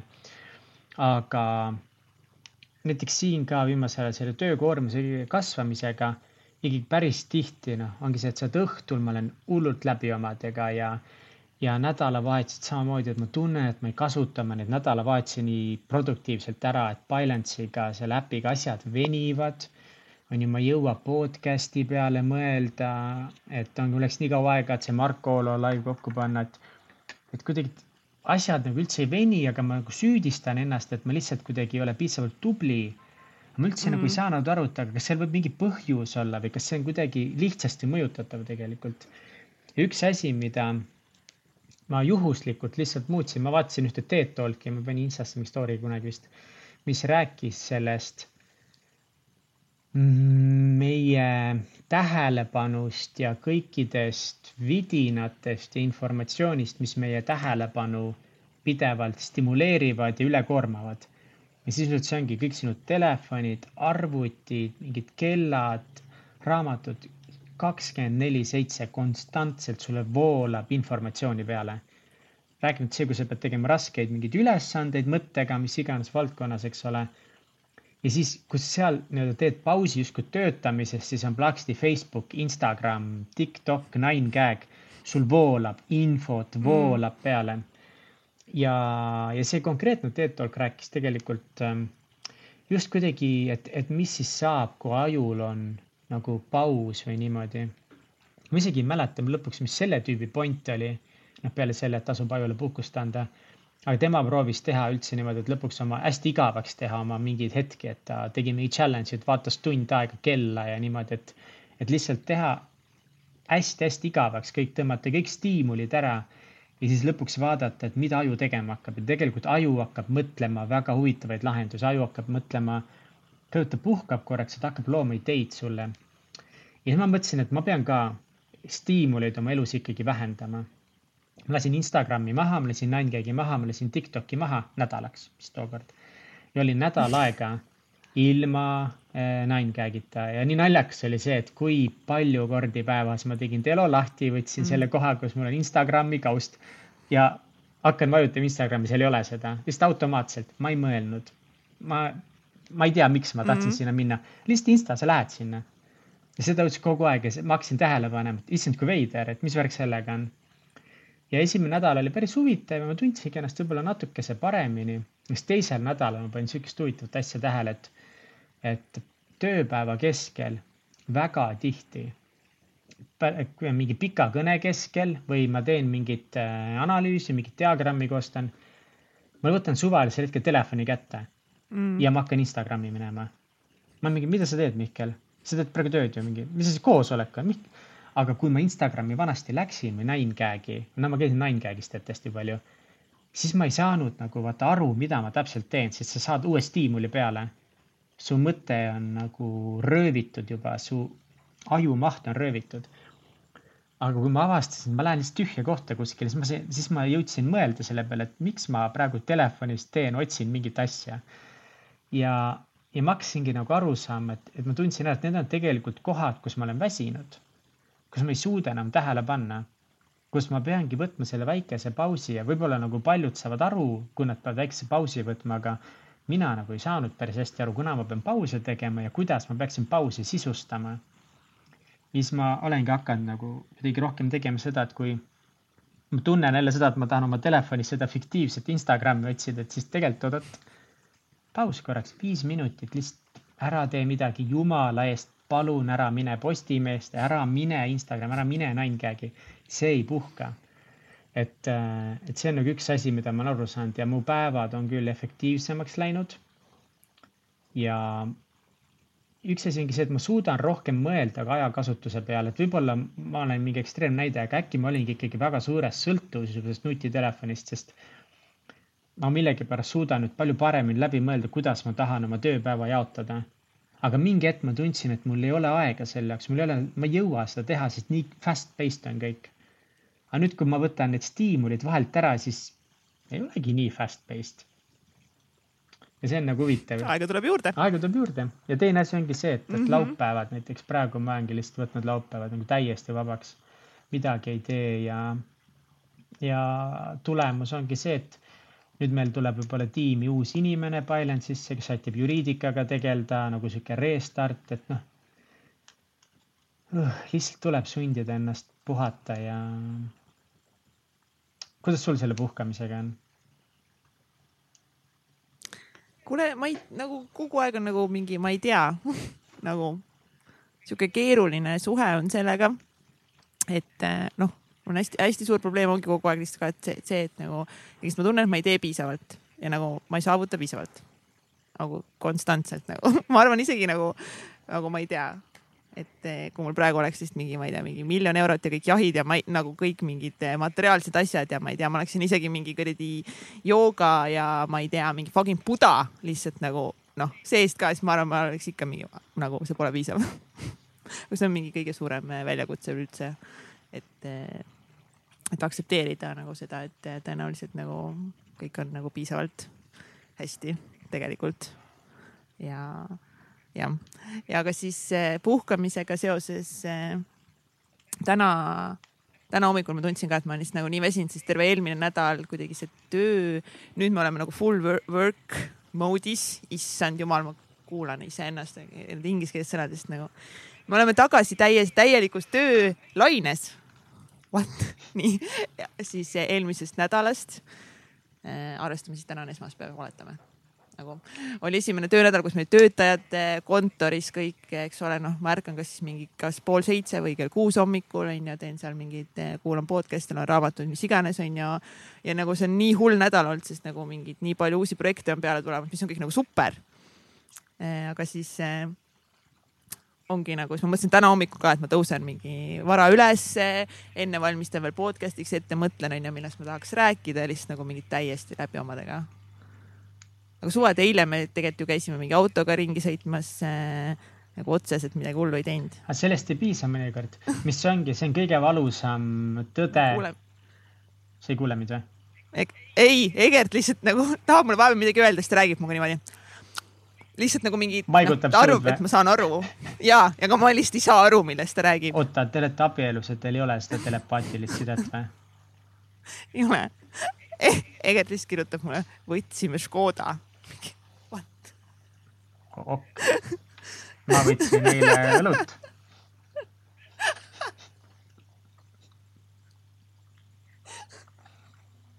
no nüüd tegelikult solvus mu peale, saab pahaseks, ma ei saanud, ma ei saanud aru ta naljast või nagu sellest, mis ta öelda mulle tahtis. Egert, we love you. me laenasime Škodat, et minna road trip'ile nüüd tegelikult on lihtsalt mu peale pahane, sest ma ei saanud aru, mis ta tahtis mulle öelda. ja mina, noh, tähendab, mina ei saanud aru, ma ei saanud aru. selle, selle peale ei tasu pahaseks saada, see ei ole väärt seda, ütle talle edasi. Mihkel ütleb, et ära saa pahaseks, see ei olnud väärt seda. jah, täpselt nagu see hetk ei olnud väärt seda. jah, see konkreetne. see ei olnud väärt seda. see konkreetne. kõik teised tõenäoliselt, aga praegu see mitte, et ühesõnaga jah, mul on nagu see puhkamisega kogu aeg mingid probleemid? Mis ma hakkasingi äh. ütlema, et ma olen nagu vist kuidagi, et nagu võib-olla ma tean, aga ma ei ole seda teadvustanud ja ma nagu kõige valusam tõde ongi mõnes mõttes see, et, et vahepeal me peamegi rohkem puhkama, et, et see kaks päeva või üks päev, mis sa puhkasid, vaata, sa töötad ka ikkagi pikad päevad, sa oled võib-olla isegi jällegi sinu juures on ka see probleem, et sa ei suuda ja ei saa oma mõtet välja lülitada, et et sul ei ole niimoodi, et kell saab viis ja siis sa enam ei mõtle üldse, kuhu oma äri viia, kõik muud asjad, eks ole, et kindlasti on väga keeruline seda välja lülitada. mille jaoks ma soovitan mediteerimist, toimib väga hästi. Ja ma olen täiega nõus sellega, see ongi nagu kogu see, see Power of Now raamat ka lihtsalt nagu äh, räägibki täpselt samamoodi sellest, aga see ei pea konkreetselt olema nagu see mediteerimine, see, et nagu noh, nüüd ma panen endale mingid klapid pähe või ma lihtsalt istun nagu tund aega, vaid ongi nagu mingite tegevuste tegemine. kas ongi spordi tegemine, ma ei tea, söögi tegemine, noh, mingite asjade tegemine, kus sa ainult oled fokusseeritud sellele kindlale tegevusele mm. -hmm. sa nagu noh, su aju ei saa genereerida mingeid muid mõtteid, mingeid muid asju noh, hakatagi mõtlema tuleviku peale või mineviku peale või mis iganes asja peale, vaid sa teed midagi konkreetset tegevust ja sa suunad oma fookuse sinna. oota, oleneb, kuidas sa, mida sa teed, sa, oleneb, kui sa teed, mida sa süüa teed, kui sa teed näiteks mingit toitu, mida sa oled tuhat korda teinud, sa võid ikka täiesti overloaded olla oma ajus ja sa teed automaatselt seda süüa, kui sa jooksed, noh, jooksmine, see on see pikaaegne väsitamine. aga sa pead fookus, isegi kui sa oled nagu teinud makarone hakklihaga mega random näide, ma ei söö hakkliha, aga kui sa oled teinud neid eh, kasvõi tuhat korda, aga kui sa võtad see Fox nii, nüüd ma võtan kapist makaronid ja sa vaatad seda makaronipakki, sa oled mingi oh my god, kui lahe see makaronipakk oli, siis mingi oh my god, katsud seda täiega, mingi, see on nagu fucking kõige lahedam makaronipakk ever nagu. siis sa kallad selle lihtsalt nagu sinna mõnuga sinna potti nagu niimoodi, sa kuuled seda heli, kuidas makaronid kukuvad lihtsalt mingi oh my god. ja kui sa hakkad seda tähele panema, siis see on täiesti haige nagu. noh, et lihtsalt sa pead lihtsalt nagu oma mõtted suunama sinna yeah., sellesse tegevusse konkreetselt nagu mitte lihtsalt sa, et sa automaatselt paned ja ise oled kuskil mingi, ma ei tea, mul on homme kell kümme see mingi töökõne ja ma ei tea üldse, mis ma räägin seal ja kõik on perses, vaata. et lihtsalt kuidagi see mõtete suunamine ja, ja kui ma olen nagu teinud seda viimased nädalat, siis see on nagu päris haige mm.. nagu kuidas nagu asjad nagu muutuvad ja ma olen kunagi mediteerimisega ka seda tähele pannud, kui ma noh, ma olen ikkagist läbinud kaks mediteerimise kursust algajatele edasi jõudnutele, eks ole. Eesti Budakojas ja kui ma tegin, kui ma tegin, tegin seda, siis seal oligi nagu reaalselt niimoodi, et, et meie asjade värvid, lõhnad, maitsed võimenduvad nii hullult kui sa fokusseerid sinna. sa lihtsalt vaatad mingit kohvitopsi, siis hakkad lihtsalt vaatama seda, sa oled mingi oh my god, kui lahe see kohvitops on nagu mingi oh my god, see kuju, need värvid nagu see noh, see on täiesti crazy, see võib tunduda nagu mingi mega uga-puga, aga siis nagu life, kui sa nagu fokusseerid mingile kindlale asjale enda mõtlemise täiesti arusaadav. kas sul on ka nii või? ei, see on jumala, see on jumala cool, mis sa räägid, see on õige, nii ongi, et selles mõttes ei pea konkreetselt mediteerima jalad ristis padja peal, et, et mida ikkagi väga. aga võib ja ei, tuleb ja võib muidugi, teha. muidugi, ega seal samamoodi vaata, seal on jälle see, et sellest ka ei piisa, täpselt sama asi. sa ei saa istuda padja peal, jalad risti ja olla vait, et siis peadki näiteks seal, noh, mina teen, ma ei tea, mis meditatsiooni ma täpselt teen, kuidas seda liigitatakse, aga suur osa sellest meditatsioonist on hingamisele keskendumine, et seal on muud aspektid, mida ma teen, aga enamus aeg, seitsekümmend viis protsenti ajast ma proovin ainult keskenduma sisse-välja hingamisele, täpselt sama siis keskendud sellele hetkel olevale ühele tegevusele, see ongi see point, et et kui ma keskendun ainult seal hingamisele, ma proovin ette kujutada, kuidas hapnik siseneb mu ninast mu kopsudesse mm, -hmm. kuidas ta liigub mööda keha, läheb välja edasi-tagasi ja muidugi mõte läheb seitseteist korda kuskile mujale yeah., lased lahti, tuled tagasi, et täpselt sama asi nagu nende makaronidega, vaata. aga isegi, kui me kõiki neid asju teeme, siis ikka vahepeal ei piisa sellest, et sa oled ühe päeva audis. vahepeal ongi vaja, kaks päeva pead puhkama, nädal aega ühes saates kunagi. kaks nädalat. kaks nädalat. kuu aega. rohkem, pool aastat, aasta. et näiteks Täpselt. üks Apple'i Äh, ka üks peadisainereid, mitte see Johnny Ive, kes on hästi kuulus tüüp, vaid üks teine disainer ja ka tohutult äh, kuulus mees tehnoloogia valdkonnas, miljonär ja värki.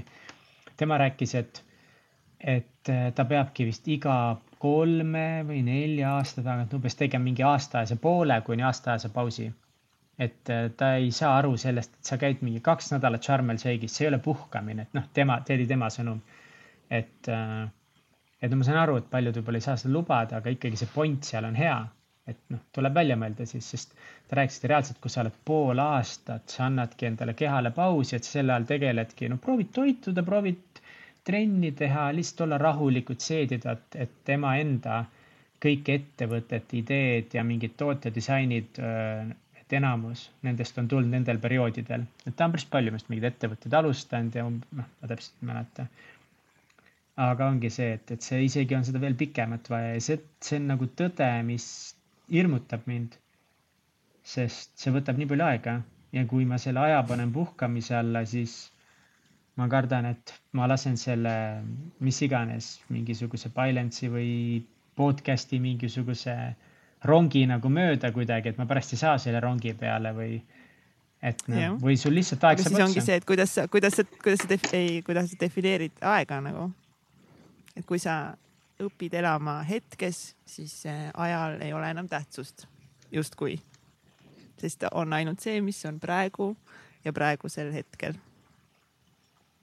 hmm.. ehk siis sul ei ole nagu otseselt minevikku, sul ei ole otseselt nagu tulevikku, vaid kõik see, mis on, on nagu nüüd ja praegu. mega deep, I know.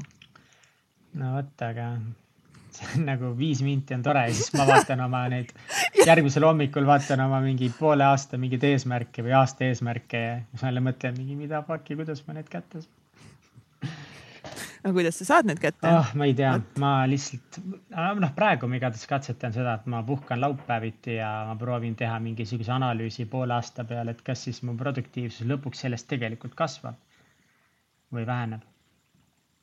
Jah, aga mul kor, korra nagu random side, side note, mille peale ma olen lihtsalt mingi aeg mõelnud, nagu ongi kogu aeg nagu vaata see teema, et, et nagu ka ettevõtet juhtides, et, et olla nagu eeskujuks, on ju, ehk siis nagu mingi be there first ja mingi leave last on ju, et nagu mingi noh a la kui me käime kontoris esmaspäevast reedeni, alustame tööpäeva kell üheksa, noh siis umbes ma peaks olema kell kaheksa juba kohal ja minema siit mingi kell kaheksa minema onju ja siis ma mõtlengi, et nagu, et kas see peab siis olema päris nii, et või, või siis, kui, et kui ma tahaksingi nüüd näiteks, et kas see oleks okei okay,, et ma võtaksin näiteks teisipäeva vabaks, aga teised peavad tööle tulema.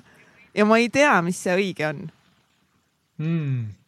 Nagu noh, sest justkui ma peaks olema nagu mingi iga päev, et mingi davai, kutid, nii see visioon, me sõidame siia nagu mingi tu-tu-tu-tu-tu, mingi everyday lihtsalt mingi noh, I m here kogu aeg lihtsalt näitan eeskuju nagu.. kas sa tahad? kuigi nagu vahepeal ei no., sorry, lõpeta mõte ära, andeks. ei, ei küsi, küsi, sealt ei tulnud enam midagi, tõenäoliselt head kas sa tahad, et sinu tiimiliikmed võtaksid vahepeal aega maha ja puhkaksid?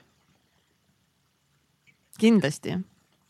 Sa pead eeskuju näitama neile no jaa, aga ma tahan, et nad teeksid tööd ka. nagu nädala sees või nagu siis, kas me peaksime siis koos seda vastu, meil on ju projektid. ei, ma saan aru ja nagu..., aga kas sa tahad öelda, et, et sinu firmas Nii. ei ole nagu okei okay võtta puhkusepäeva või? on ikka, on ikka ja hea point jah, selles mõttes. nagu kui, kui sina jätad selle mulje tiimile, et puhkamine ei ole okei okay,, siis et see on üks probleem, mis on siin osa ühel Eesti startup'il näiteks on, on väga palju probleeme selle kultuuriga, et see algab sealt ülevalt, et äh, kui tiimijuhid panevad mm -hmm. hullu ja töötavad nädala sees ka, et siis tiim ei julge võib-olla puhata isegi siis, kui ma ei tea, kogu riik puhkab, mida iganes, et, et äh, kindlasti ei tohikski see korraga vaata olla. Eriti noh, meil samamoodi, et äh, meil Helmesis, eks ole, analüütikud, me ei saa kõik korraga puhkama minna. seepärast, et keegi peab kliendiga tegelema, keegi projekti juhtima aga vahepeal käin mina puhkamas, ma pean suvel puhkused kooskõlastama teiste analüütikutega, see on mul okei okay, selles mõttes, et me oleme noh, õnneks meie tiimis meil on kõik heatahtlikud inimesed, me teeme nii, et kõik saaksid enam-vähem puhata siis, kui neile sobib. tiimijuht käib puhkamas. et ongi, see ongi normaalne, et, et me peame puhkama ja meil, see on uskumatu, kui palju, meil on hästi no hea siin kõvatada selles mõttes, et aga me pakume nagu tohutult kõrge kvaliteediga teenust see customer super pleasing on väga kõrge, et meilt oodatakse hästi palju, see pressure selles mõttes töö kvaliteedile on hästi tugev. ja õnneks see kvaliteet nagu täna toimib, sest lihtsalt minu ümber on väga palju seenioreid, ma ise sain alles juuniori staatust vabaks, nii et täna see kvaliteet veel võib-olla minu õlul täielikult kuidagi ei ole. aga mis ma tahan öelda, on see, et, et, et kui vaadates, mida me klientidele nii-öelda deliver dame, ma ei teagi, mida me neile üle anname arendusmõttes ja projektide mõttes, siis võiks arvata, et me töötame nagu sõgedad ja kunagi ei puhka. aga huvitav on see, et, et näiteks meie nagu see juhtkond ja tiimijuhid on tohutult eeskujulikud ja, ja väga survestavad isegi inimesi puhkama Äh, kui meil on üks arendaja, üks juhtiv arendaja, kes paneb hullu lihtsalt, ta on nagu tal, tal lihtsalt, talle meeldib arendada kakskümmend neli seitse, ta teeb nädalavahetusel tööd. ta teeb hommikul kell viis ärkab ülesse, ta kell kuus töötab. kell kuus õhtul lõpetab, et noh, ma ei tea, kuidas ta suudab ja siis temaga näiteks meie tiimijuht kogu aeg on mingi, et ma ei luba sul töötada üle teatud arvu tunni kuus. see, sa oled katki, et noh ei ole seda, et oo super, et sest tegelikult meil saavad projektid väga paljud saavad kiiresti valmis ja raha tuleb sisse, sest ta paneb hullu. aga see ei noh, see ei ole hea, et äh, ja, ja sealt ma nagu näengi täiega hästi seda, et kui, et mis juttu räägivad sinu tiimijuhid ja kuidas nad ise käituvad, siis tegelikult tiim teeb järgi ja, ja see on, see on hästi julgustav, samamoodi tiimijuht meil eelmine reede võttiski mingi poole reede pealt läks ära, et ei, ma täna lõpetan mingi kell kaks või nii et meil on ülipalju asju on praegu teha, aga see on nagu fine, sest äh, siis saan mina võtta mõni teine kord mm. -hmm teoorias on see väga hea jutt kõik. aga mis siis praktikas puudu jääb? raske on seda praktikasse panna. ma ei tea, see ongi nagu, et okei okay,, me oleme nüüd nagu, nagu nii-öelda siit noh, et eriolukord saab nüüd läbi, onju. et justkui me oleme kõik nagu, nagu nüüd kaidab puhanud. mida me ilmselgelt pole aga nagu töökoormus on olnud ikkagist nagu väga väike tervel tiimil. et nagu nüüd justkui peaks nagu hakkama hullu panema. ma ei tea, nagu enda peas on nagu lihtsalt see, et nagu nüüd peab nagu täiega andma. sest kui me ei hakka andma, siis, siis, siis ma ei tea, mis saab see ei tähenda, et ei. see ongi nagu nii keeruline täpselt see tasa ja, ja ma I know nagu ma tean enda peas seda, seda samamoodi, aga see on lihtsalt nagu, see ongi nii hull battle lihtsalt, see on nagu nii hull battle enda peas nagu, et mingi oh my god, loomulikult ma pean puhkama, sest nagu siis ma saan teha suuremaid asju, aga issand jumal, kas ma ikka saan täna puhata, sest tegelikult ju meil peaks seda projekti tegema, sest nagu mingi oh my god nagu siis noh. jah, et kui sa oled ainuke projektijuht, et siis võib-olla, võib-olla keeruline jah, et, et saan nagu aru, et selles olukorras minu näide võib olla lihtne ja et meil on nagu analüütikuid, kellel on kõik sarnased tööülesanded ja me käitume kui projektijuhid, et me saamegi üksteist nagu asendada mingil määral päris hästi, et.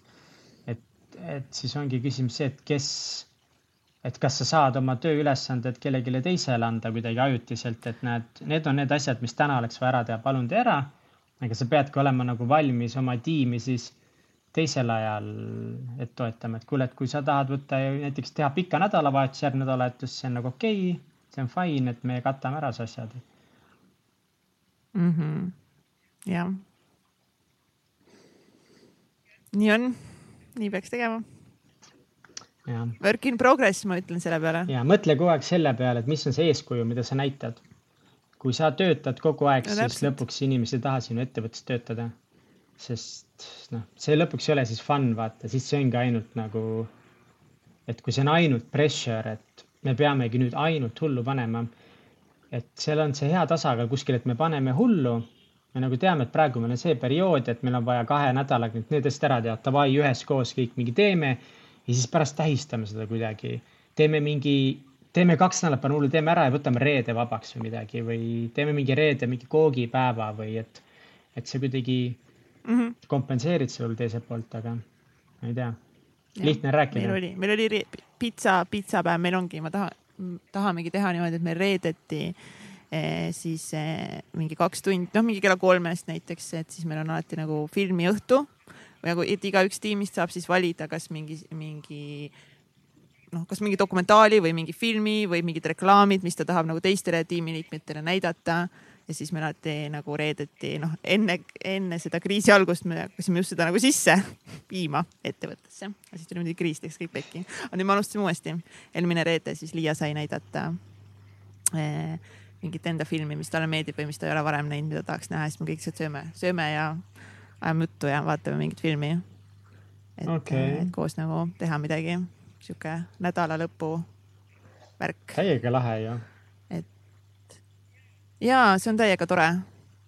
loodame seda nüüd seda traditsiooni jätkata sest. aga mis sulle siis ikkagi muret teeb, mida sa nagu tegelikult nii-öelda kardad hmm.? et ei saa piisavalt hästi asju tehtud. et ikkagist nagu see mingi, et pole piisavalt asju tehtud nagu minu poolt ja minu, mul on ju mega, minu suurim väljakutse on ka see, et ma õpiksin inimesi usaldama. sest ma nagu ei usalda inimesi mingite asjade või ülesannetega piisavalt. sest mul on justkui enda mingid standardid, vaata kuidas asjad peaksid välja nägema või kuidas olema.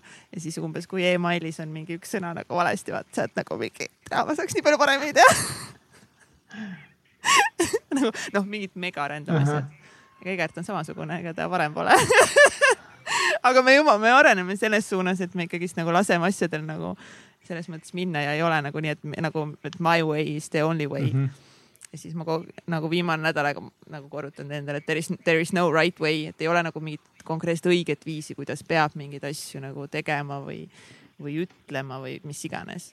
et aga nagu nii keeruline on eh, nagu hakkama saada sellega et nagu usaldada, eriti kui nagu uued tiimiliikmed ka, äh, kes ei ole su kõrval nagu olnud väga pikka aega. Mm, -hmm. et siis nagu usaldada neid ja anda neile nagu rohkem ülesandeid, mis on nagu see, miks nad tööle võetud, et nagu, nagu anda üle asju. Aga nagu ma ei taha väga anda. Ultimately siis ongi muretsedki selle pärast, et mis on see kvaliteet, mis kliendil läheb, et sa kardad, et klient ei jää rahule ja, sellega ja siis ütleb mingi ei, ma ei taha maksta selle töö eest, sest see on halb no töö eest või siis, või ei tule üldse klienti mm. või ei tule mingit koostööpartnerit mm, -hmm. te ei pea üldse olema klient, võib ka olla nagu mis iganes koostööpartner või nagu mis iganes. kas see koostööpartneri nagu,. ma kardan jah oh.. jah, ma tahtsin küsida mm, -hmm. et kas see koostööpartneri kliendi saamise protsess on selline, on see nagu selles mõttes stressirohke? kindlasti, muidugi. absoluutselt, sa kunagi ju ei tea mm eriti praegu nagu, kui kõik ju reklaamiturunduseelarved eh, on nagu kärbitud enamus ettevõtetel kuskil miinimumi või nagu üldse nagu pole eh, ettevõttes enam nagu mingit turunduseelarvet põhimõtteliselt. et siis nagu iga klient on praegu nagu kulla hinnaga mm.. Eh, ja nagu, nagu noh et. siis see tõstab omakorda nagu, nagu seda pinget veel jah? nagu jaa, loomulikult tõstab aga nagu tegelikult ei juhtu nagu midagi, kui, kui mingi ühes mingi, ma ei tea, meilis või kõnes on nagu mingi paar sõna kuidagi valesti või kuidagi nagu või noh, minu arvates valesti, vot see ongi see point. mingi päev meil oli äh, siin eh, Jenny ja, ja teistega siin üks, üks kõne ja siis oligi ka, et disainerid teevad a la, et vaata, et mingi kak-, kolm logonäidist ja siis üks, üks logonäidis sa teedki meelega nagu megasita. nagu noh, this is nagu noh, lihtsalt viskasin mingi. Et suunata nagu klienti no, ostma seda, mis sulle meeldib ja. jaa. Nagu tal on lihtne valida ühest kahest ja ülitihti nagu klient valib selle kolmanda variandi. Ehk siis nagu noh, et meie nagu mina arvangi, et see on nagu mingi õige, aga tegelikult nagu klientil võib hoopis olla nagu mingi ka mingi hoopis võib-olla mitte nii lihvitud eh, eh tulemusega, võib-olla üldse mingi, talle meeldib hoopis mingi teine asi, onju kuhu läheks võib-olla poole, poole vähem effort'it sisse. klient on mingi davai, sa oled ise mingi. mis sitt see on lihtsalt nagu, mis sitt see on, nagu mis sitt see on aga klient on mingi, oo, see on mingi umbes maailma kõige lahedam asi ever, lihtsalt mingi, te olete geeniused. see on nagu saast, vaata. et endal on mingid haiged nagu mingid mõtted või standardid või ma isegi ei tea, kuidas seda nimetada nagu peas äh, loodud. Ja siis sa oled nagu nii kinni nagu ja noh, ma olen hästi kinni ka ongi nagu mingites nagu, nagu liiga mingites detailides ja perfektsuses ja kõiges nagu selles, et äh, jumala eest, keegi ei saada nagu ongi nagu mingi kliendile mingit asja välja, enne kui see on umbes läbinud mm. -hmm kümme kooskõlastusringi mm. -hmm. kõik on vaadatud, kõik on üle vaadatud. jumala eest, kui seal mingi trükiviga on sees kuskil noh, aga tegelikult on suva. tegelikult ei juhtu midagi. Jaa, uh, you psycho I, I know. ei ole, ei ole. I know ainult natukese ja, aga see ongi kõik nagu õpiprotsess. meil no. oli ühe uue potentsiaalse kliendiga oli, me üldiselt töötame ainult ühe kliendiga, nii et seda nagu seda stressi mina ei ole üldse nagu kogenudki. aga ühele potentsiaalsele uuele kliendile saatsin mingi meeting notes'id. no nagu töökeel on mul ainult inglise keel, et see on võib-olla see ka, miks nagu me palju paneme seda estonglish'it ja ja siis seal olid mingid kirjavead sees, siis tegelikult mulle ka tiimijuht ütles, et kuule, et ma vaatasin, et sul oli päris palju kirjavigasid sees, et et noh, tegelikult ei olnud palju, ma pärast vaatasin, ma olin mingi oh my god, mis ma tegin. no ei olnud üldse hullu aga et, et noh, aeg-ajalt peabki ikkagi ütlema ja näitama ka, et kuule, et näed, et siin ikkagi see ei ole päris see, on ju, mis on meie see standard. eks ole, aga üldiselt äh, lasevad nagu meil nii-öelda ikka meil oma asja ajada ja õppida ja, ja, ja mis ongi huvitav, on see, et äh, Helmes nagu ma olen hästi üllatunud selles, et nad panevad ähm, või riskeerivad, riskivad, riskivad küllaltki palju või, või võib-olla, võib-olla mulle tundub, et nad riskivad selle uue töötaja või isegi mõne juunior tasemel töötaja selle õpikurviga kuidagi, et, et näiteks mulle ka, mulle anti päris palju vastutust suhteliselt kiiresti ja, ja päris palju siukseid vaba, vabasid käsi ka selle vastutusega, mitte see, et sul on vastutust palju, aga sa noh, otsuseid ei saa umbes teha, vaid. et mul oligi vastutust oli oma, omajagu palju tuli päris kiiresti seda ja, ja see tähendab seda, et ma pidingi ise nagu mingeid neid kirju ja koosolekuid, asju nagu tegema ja, ja ma mingi hetk hiljem nagu tagantjärgi mõtlesin, et et noh, et no ma ei ole absoluutselt seal kohas, kus minu tiimikaaslased analüütikutena tollel hetkel olid, eks ole, kes on seda tööd pikalt teinud ja õppinud ja et, et kuidas ma seda kõike teha sain, aga noh, hiljem ma olengi aru saanud ka, et, et panustatakse selle töötaja arengusse nii palju lihtsalt, et nad ongi nõus sellega, et ma teengi neid miitinguid ja keerangi perse need, ma keeran paar seda analüüsi perse, mida ma alguses tegin ka. ja isegi pahandatud minuga, noh, keegi ei tulnud midagi mölisema, see oligi see, et nagu tegeleti kogu aeg sellega, et kuule, et kuidas sul õppimisega läheb, kas me saame toetada kuidagi seda, et sa arened nagu kiiremini, võib-olla see nurga taga oli see, et kuule, et arene kiiremini nüüd. paar viga oli võib-olla noh, aga keegi ei öelnud seda mulle, kogu aeg see oli selle nurga alt, et davai, et kas sul one on one'id oma mentoriga on hästi, kas sa saad iga nädal võtta piisavalt aega uute asjade õppimiseks. ja ultimately nagu minu puhul see on ennast ära tasunud. see ongi selles mõttes mm -hmm. nagu risk, et noh, ma ei ole mingit, mingid minu pead on ka siuksed näpukad olnud, et võib-olla tegelikult need asjad, mis sinu töötajad teinud on või noh, ongi, et otsest ei olegi keegi midagi teinud, aga et siin samamoodi need on väiksed asjad tegelikult. Need on täiega väiksed asjad, ma lihtsalt mäletan seda ühte eh, hetke, kui me veel eh, seal Tallinna Televisioonis töötasime, siis me monteerisime nagu äh, Alen Vesiko kontserti ja nagu, kes teab, siis nagu Alen on lihtsalt minu nagu, ma ei tee mitte ühtegi suurt projekti ilma, et Alen selles osaleks ja tema muusika on nagu mind inspireerinud nagu äh, tegema elus nagu suuri, suuri asju ja siis mul oligi võimalus nagu produtseerida Alen Vesiko kontserdid Saku mõisas ja kõik oli nagu super, me olime ülivara seal kõik kohal, kõik nagu mm,, kõik oli nagu super onju. ja siis veel istume montaažiruumi maha. Gert Egertiga siis, Egert hakkab monteerima ja siis ma vaatan lihtsalt seda ühte, ühte plaani. mida tähendab plaan äh,? nagu bändi poole. plaan, mida tähendab plaan, Egert nagu kaader, nagu kaamera suund mm. -hmm, super videoturunduse ettevõtte tegevjuht siinpool, mis asi on kaader, ei tea. suund ühesõnaga bändi poole. ja siis ma vaatan, et ja seal eh, põrandal on lihtsalt juhtmete rägastik. Ja ma olen lihtsalt täiesti flip nagu, I m out nagu mingi, meil on mingi kümneliikmeline meeskond pluss bänd pluss veel mingid inimesed ja keegi ei näinud, et need fucking juhtmed olid seal põrandal. Ja veel mingi juhe oli aknalaua peale jäänud. Ja saad aru, ma flippisin niimoodi ära lihtsalt mingi täiesti random detaili peale. Ja lihtsalt, siis ma helistasin Alenile ja Alen on lihtsalt mingi, kuule nagu, nagu get yourself together, nagu see on jumala fine, et nagu esinemistel ongi need juhtmed seal taga ja see nagu on jumala okei okay. ja mitte keegi ei pane seda tähele, aga ma olen lihtsalt täiesti ära flip inud, et nagu kogu salvestus on Peetis ja nagu noh, mind põhimõtteliselt vallandatakse ja nagu minu eluunistuste projekt mm -hmm. on Peetis paari juhtmega, aga tavainimene ei näe, nagu ta kuulab seda laulu, ta vaatab, onju, seda kõike kaamera liikumisi ja ta on nagu mingi, feel ib seda vibe'i. aga ma olen lihtsalt mingi need juhtmed seal aleeni taga aga kas selle taga siis ongi tegelikult see ebakindlus iseendas või? vot, hea küsimus, ma ei tea.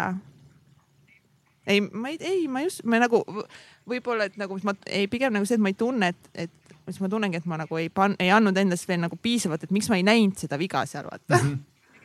aga tegelikult see ei olnud nagu mingi viga, vaata see nagu kõik see, see kontsert oli nagu, nagu nii ilus ja see oli nagu kõik kiitsid ja nagu see oli noh, Alen jäi mega rahule ja nagu noh, see oli üks vaadatumaid saateid meil seal televisioonis ja nagu noh, lihtsalt iseennast nagu biidid appi mingite väikeste asjade pärast.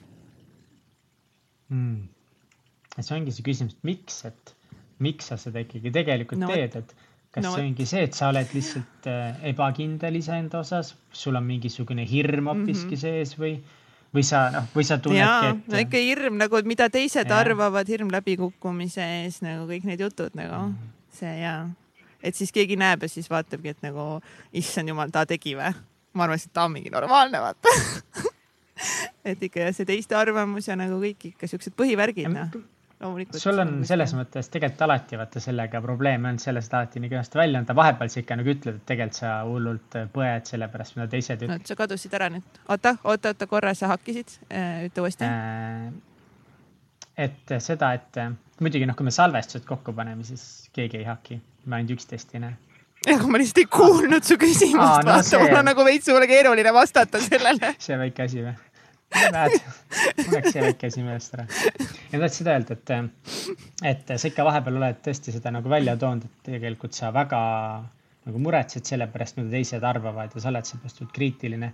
aga kas sa arvad, et sa oled kuidagi sellega tegelenud ka viimase paari aasta jooksul, on sul mingid progressi olnud selle osas või pigem sa oled muudes eluvaldkondades tugevamaks saanud, osavamaks saanud, süsteet-, süstemaatilisemaks, mida iganes, aga, aga et see on sul ikkagi see hirm selle ees on sama suur? ma ei tea, kas ta on nagu, nagu sama suur, aga vaata, ma olen nüüd õppinud seda märkama mm.. nagu neid asju, mis noh, täpselt see mingi noh, ma enam ei flipi ära näiteks nende selliste asjade peale nii palju eh, kui varem mm. -hmm. näiteks mm. -hmm. aga, aga kindlasti see ei ole nagu sada protsenti lahendatud Eh, küsimus mm.. aga ma arvan, et see märkamise teema on oluline, et seda nagu märgata. täpselt samamoodi nagu vist analüüsida enda, enda mõtteid ja, ja tegevusi. et kust need mingid, mingid asjad nagu tulevad mm.. see on hästi, hästi öeldud. märkamine on tõesti väga oluline. ilma selle märkamiseta ei saa nii mina midagi väga palju paremaks teha või noh, saab, aga raske on, et ongi vaja märgata neid asju, see on suur samm edasi. et nagu ma märkasin näiteks seda, miks ma ei tee vahepeal mingeid asju, miks ma tunnen, et ma olen jobu, sest et ma lihtsalt ei jõua. tuleb lihtsalt. no ja ei peagi vist jõudma või? ma pean lihtsalt strateegilisem olema, ma pean lihtsalt olema paremini planeeritud siis ma jõuaks. ma pean lihtsalt paremini ja kiiremini ja paremini, efektiivsemalt puhkama ja, aga mul on ja ma tean efektiivsemalt puhkama, väga hästi öeldud. et nagu, aga lihtsalt ongi see küsimus, et millal siis nagu, millal ongi see, et okei okay,, et eh, jah, ma peaksingi nagu paremini oma aega planeerima, peaksingi olema nagu efektiivsem nagu noh, tegema mingeid asju paremini. aga millal tulebki see piir, et kus nagu okei okay,, et ma nagu noh, nagu ei, et see on nagu kõik nüüd, ma ei olegi rohkem suuteline tegema, nagu saad aru, et nagu kus see piir, I don't know, kus see piir nagu läheb. Ma ka mitte. keegi ei tea nii haige jah, nagu tahaks teha ju vaata nii palju asju kogu aeg oh,. ägedamalt oh, ja. oo oh, jaa, see, see ja. ja sellepärast ma kardangi seda puhkamise teemat ka, et et ma kardangi, et, et tegelikult noh, siis ei jõua, et nüüd ma vähemalt saan nii palju aru, et kui, et kui ei puhka, et siis tegelikult ei jõua nii või naa. aga ikkagi suur osa minu sees on ka see, et noh, et võiks ju selle ajaga hoopiski mingeid kõiki muid lahedaid asju teha. Ja, jah, aga siis ongi jälle see, et nagu kui sa oled hetkes, siis need asjad ei loe nagu mm. -hmm asjad ei loe, aga keeruline, keeruline äh, värk. vaatame siia lõppu, mõtlesin, et pull oleks võib-olla korra lõpus vaadata. me tegime teist, teise Vaatame, hooaja mida. alguses, panime mõned eesmärgid oh paika. see on, see on tüüpiline, et need inimesed, kes teevad, panevad endale eesmärke kirja, näiteks ütleme onju, esimene jaanuar, sa paned endale aasta eesmärgid, siis sa Neverist ei vaata neid eesmärke me oleme nagu need vennad. ei, aga nüüd vaatame. teiseks hooajaks panime eesmärgid, nüüd vaatame, kui hooaeg no. on läbi, aga mitte, et me oleksime otseselt töötanud nende nimel. Nagu eks noh, alateadvuses ikka onju, aga ma mõtlen, et konkreetselt, et davai, et meie eesmärk oli saada, eks ole, kolmsada tuhat kuulamist, kaugel me oleme selles? We have no idea, me alles üks päev avastasime, et meil on mingi kakssada kuuskümmend tuhat kuulamist. millal meil sai kakssada tuhat kuulamist täis, me ei tea, kas me tähistasime, ei. Eh, kui kolm sotti saab, siis tähistame, nüüd on plaan paigas, peab tähistama. nii, aga okei okay,, vaatame kohe. niimoodi, vaatame ka, mis siin oli, meil oligi mm,. mis meil sai paika, oli ah, see inspireerida veel rohkem inimesi tegema julgeid valikuid, unistama suuremalt. see oli super, et see meil paika sai seda eesmärki me oleme täitnud. kindlasti. seda me oleme täitnud. meie yes. eesmärk on. aga see on, ma arvan, kõige olulisem eesmärk ongi, siin see, meie eesmärk on saada Eesti parimaks podcast'iks. kas nüüd tänase jutu põhjal me võime selle prügikasti visata või? Selle me võime prügikasti visata. seda ei tule uueks, uueks selleks ei tule. saada live-pilt juurde teise, teise hooaega sa, no kui nüüd lugeda mis ma kirjutanud on, siis on saada live-pilt juurde teise hooaja. alustame ühe kaameraga ei alusta. aga vaata, eesmärkidega on ikka see, et mingil määral nad kuidagi saavad täis. Sa käisid. see, et me nüüd teeme läbi mingi selle no,?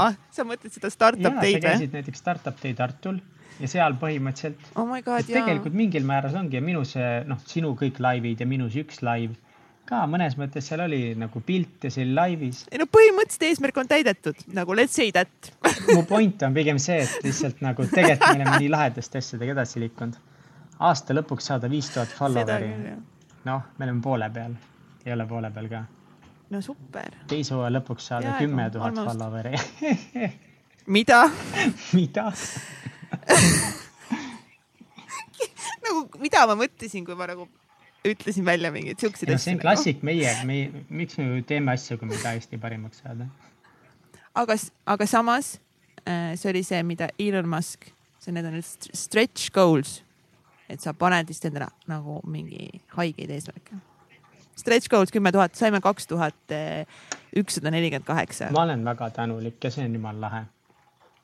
see on mega cool ja täna ikkist loevad kvaliteetsed äh, jälgijad, mitte lihtsalt need suvalised numbrid ja meil on väga kvaliteetsed Ongi, ja toredad jälgijad, kes engage ivad ja, ja saadavad meile kirju ja, ja ütlevad meile hästi ja jagavad meie saate. täiega armastame teid. see on kuld, see on täiega. kolmsada tuhat kuulamist teise hooaja lõpuks.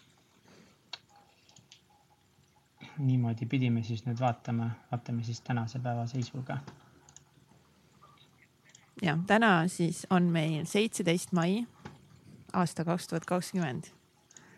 Mihkel arvutab kokku, palju on Täitsa Pekis saatel teise hooaja lõpuks.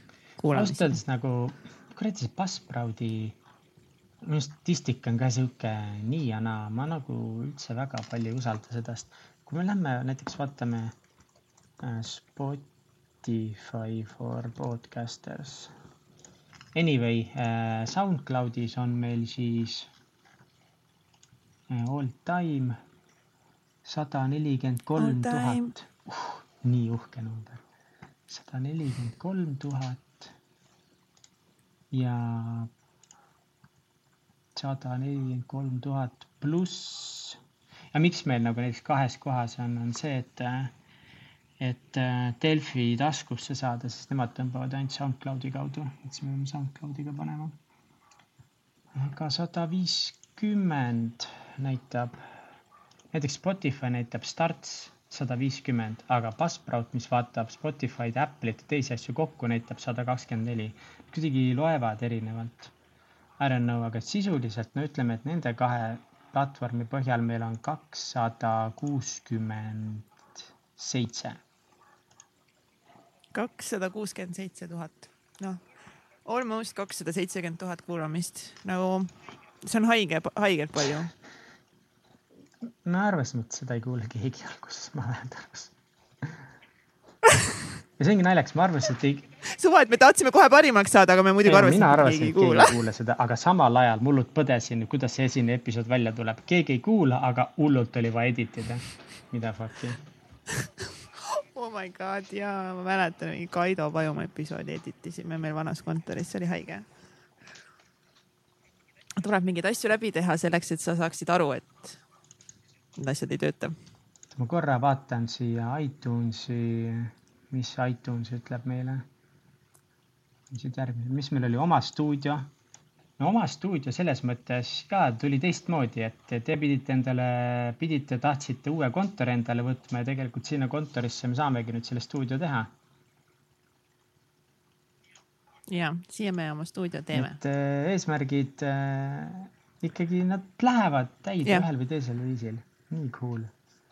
ja, ja kes tahab äh, kuidagi mingil viisil toetada meie stuudio valmimist ja tahab meile näiteks noh, sul on, ütleme mingi, teed mingit disainlaudu, näiteks disaintoole, tuvitoole, muid toole, igast asju, võta ühendust, äkki me saame koostööd teha.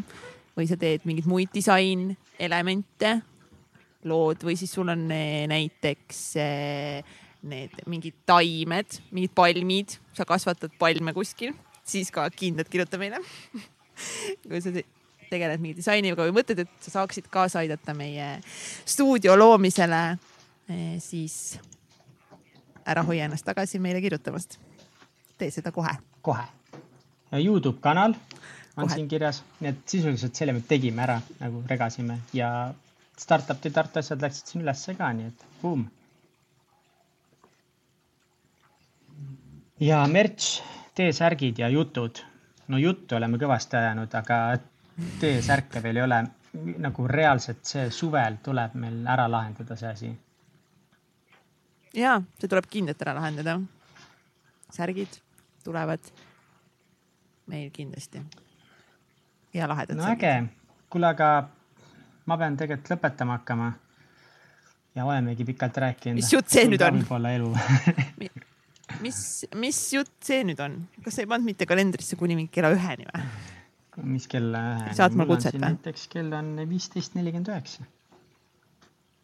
noh, mul on üksteist nelikümmend üheksa, nii et äh, mul on veel tund aega sinuga aega siin rääkida. aga midagi nüüd äh, siia meie hooaja viimase saate lõpetuseks. tahad mingit maasikat või? mingit, mingit maasikat. kas sul on, oleks sulle üks maasikas, Mihkel, anda meie kallile kuulajale? kurat. üks maasikas. ikka see pressure'i paned peale nüüd mm,. ei ole vist maasikaid. tea, tuleb, tuleb unistada ja siis valmis olla, et unistused täituvad hoopis teistmoodi. Nad täituvad aeglaselt ja teistmoodi. aga nagu Katsen ütles, et sa pead seda lihtsalt mängu edasi mängima. sa ei tohi, ei tohi pausile võtta, ei tohi lõpuvilet lasta, pead lihtsalt edasi mängima. Nii et mängige oma seda elumängu edasi. Play this game ja, ja ei ole mingi, see ei ole mäng, kus on konkreetsed reeglid paigas, kus te peate saama parimaks, te peate ja. seda mängu nautima, mida meie peame õppima seda nautima ja prooviks mängus paremaks saada, sest et kui seal mängus ei ole konkreetseid reegleid, siis selles mängus samas on küll võimalik väga palju paremaks saada. nii et lihtsalt leiame neid viise, kuidas selles mängus kogu aeg paremaks saada, sest see challenge'it on elus vaja, ärge tahtke endale lihtsat elu.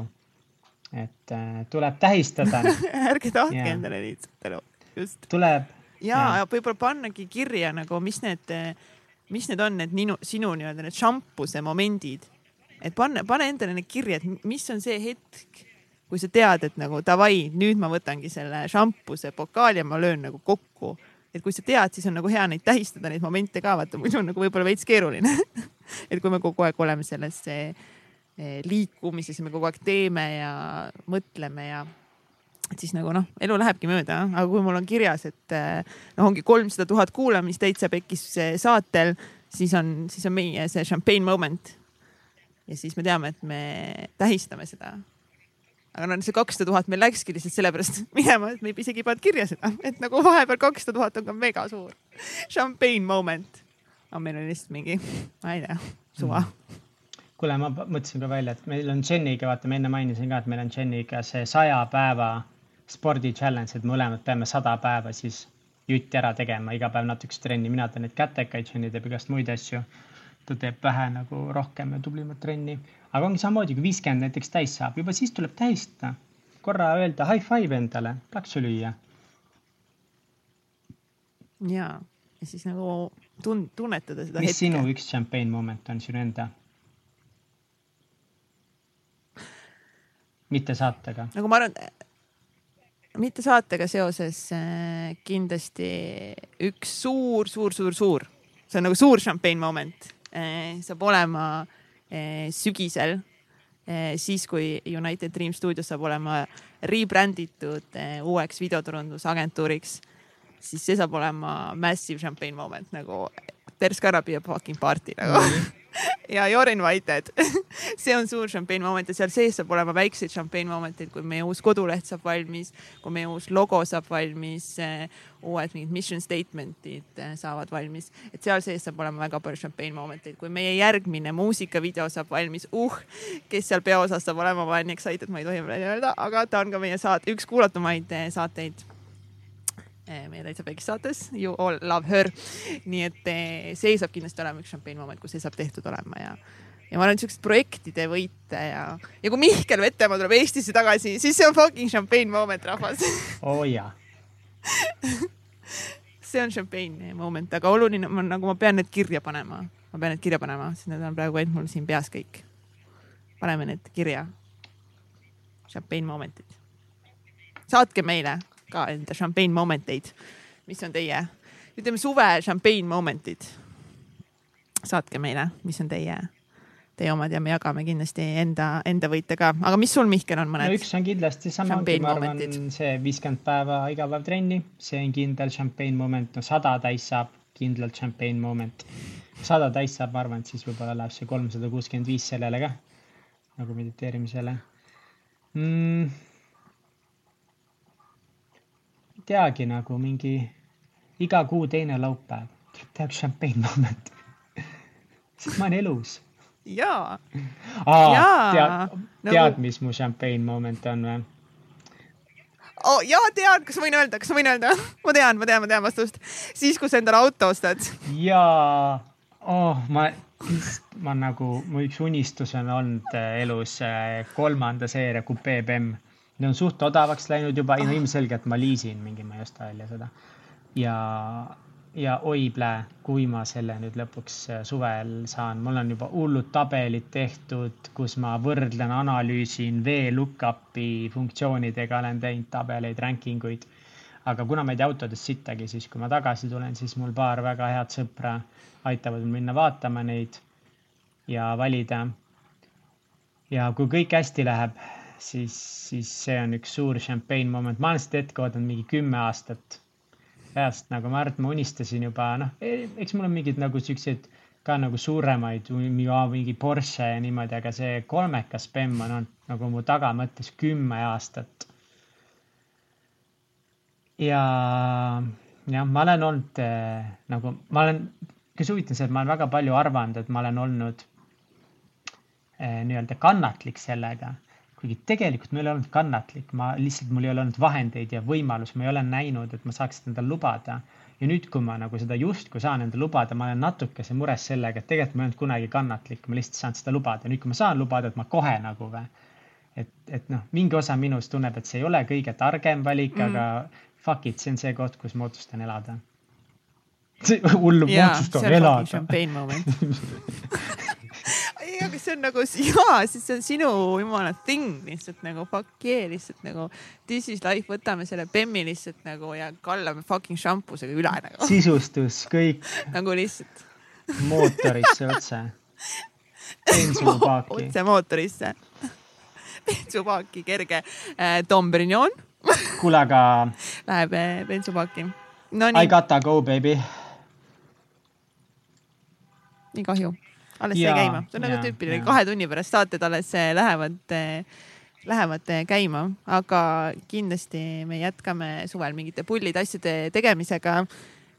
ja, ja sügisel siis kolmas, kolmas hooaeg. Ja vahepeal, kui sa ole, ei ole kuulanud kõiki osasid ära, siis mine täitsa algusesse tagasi.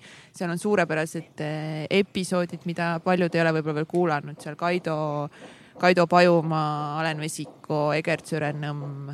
noh, seal on kulda, kes on meiega võib-olla alles hiljuti liitunud ja me paneme kindlasti üles ka veel paar startup day intervjuud, mis meil on üles panemata ja ka osad laivid, mis me oleme siin Instagramis teinud.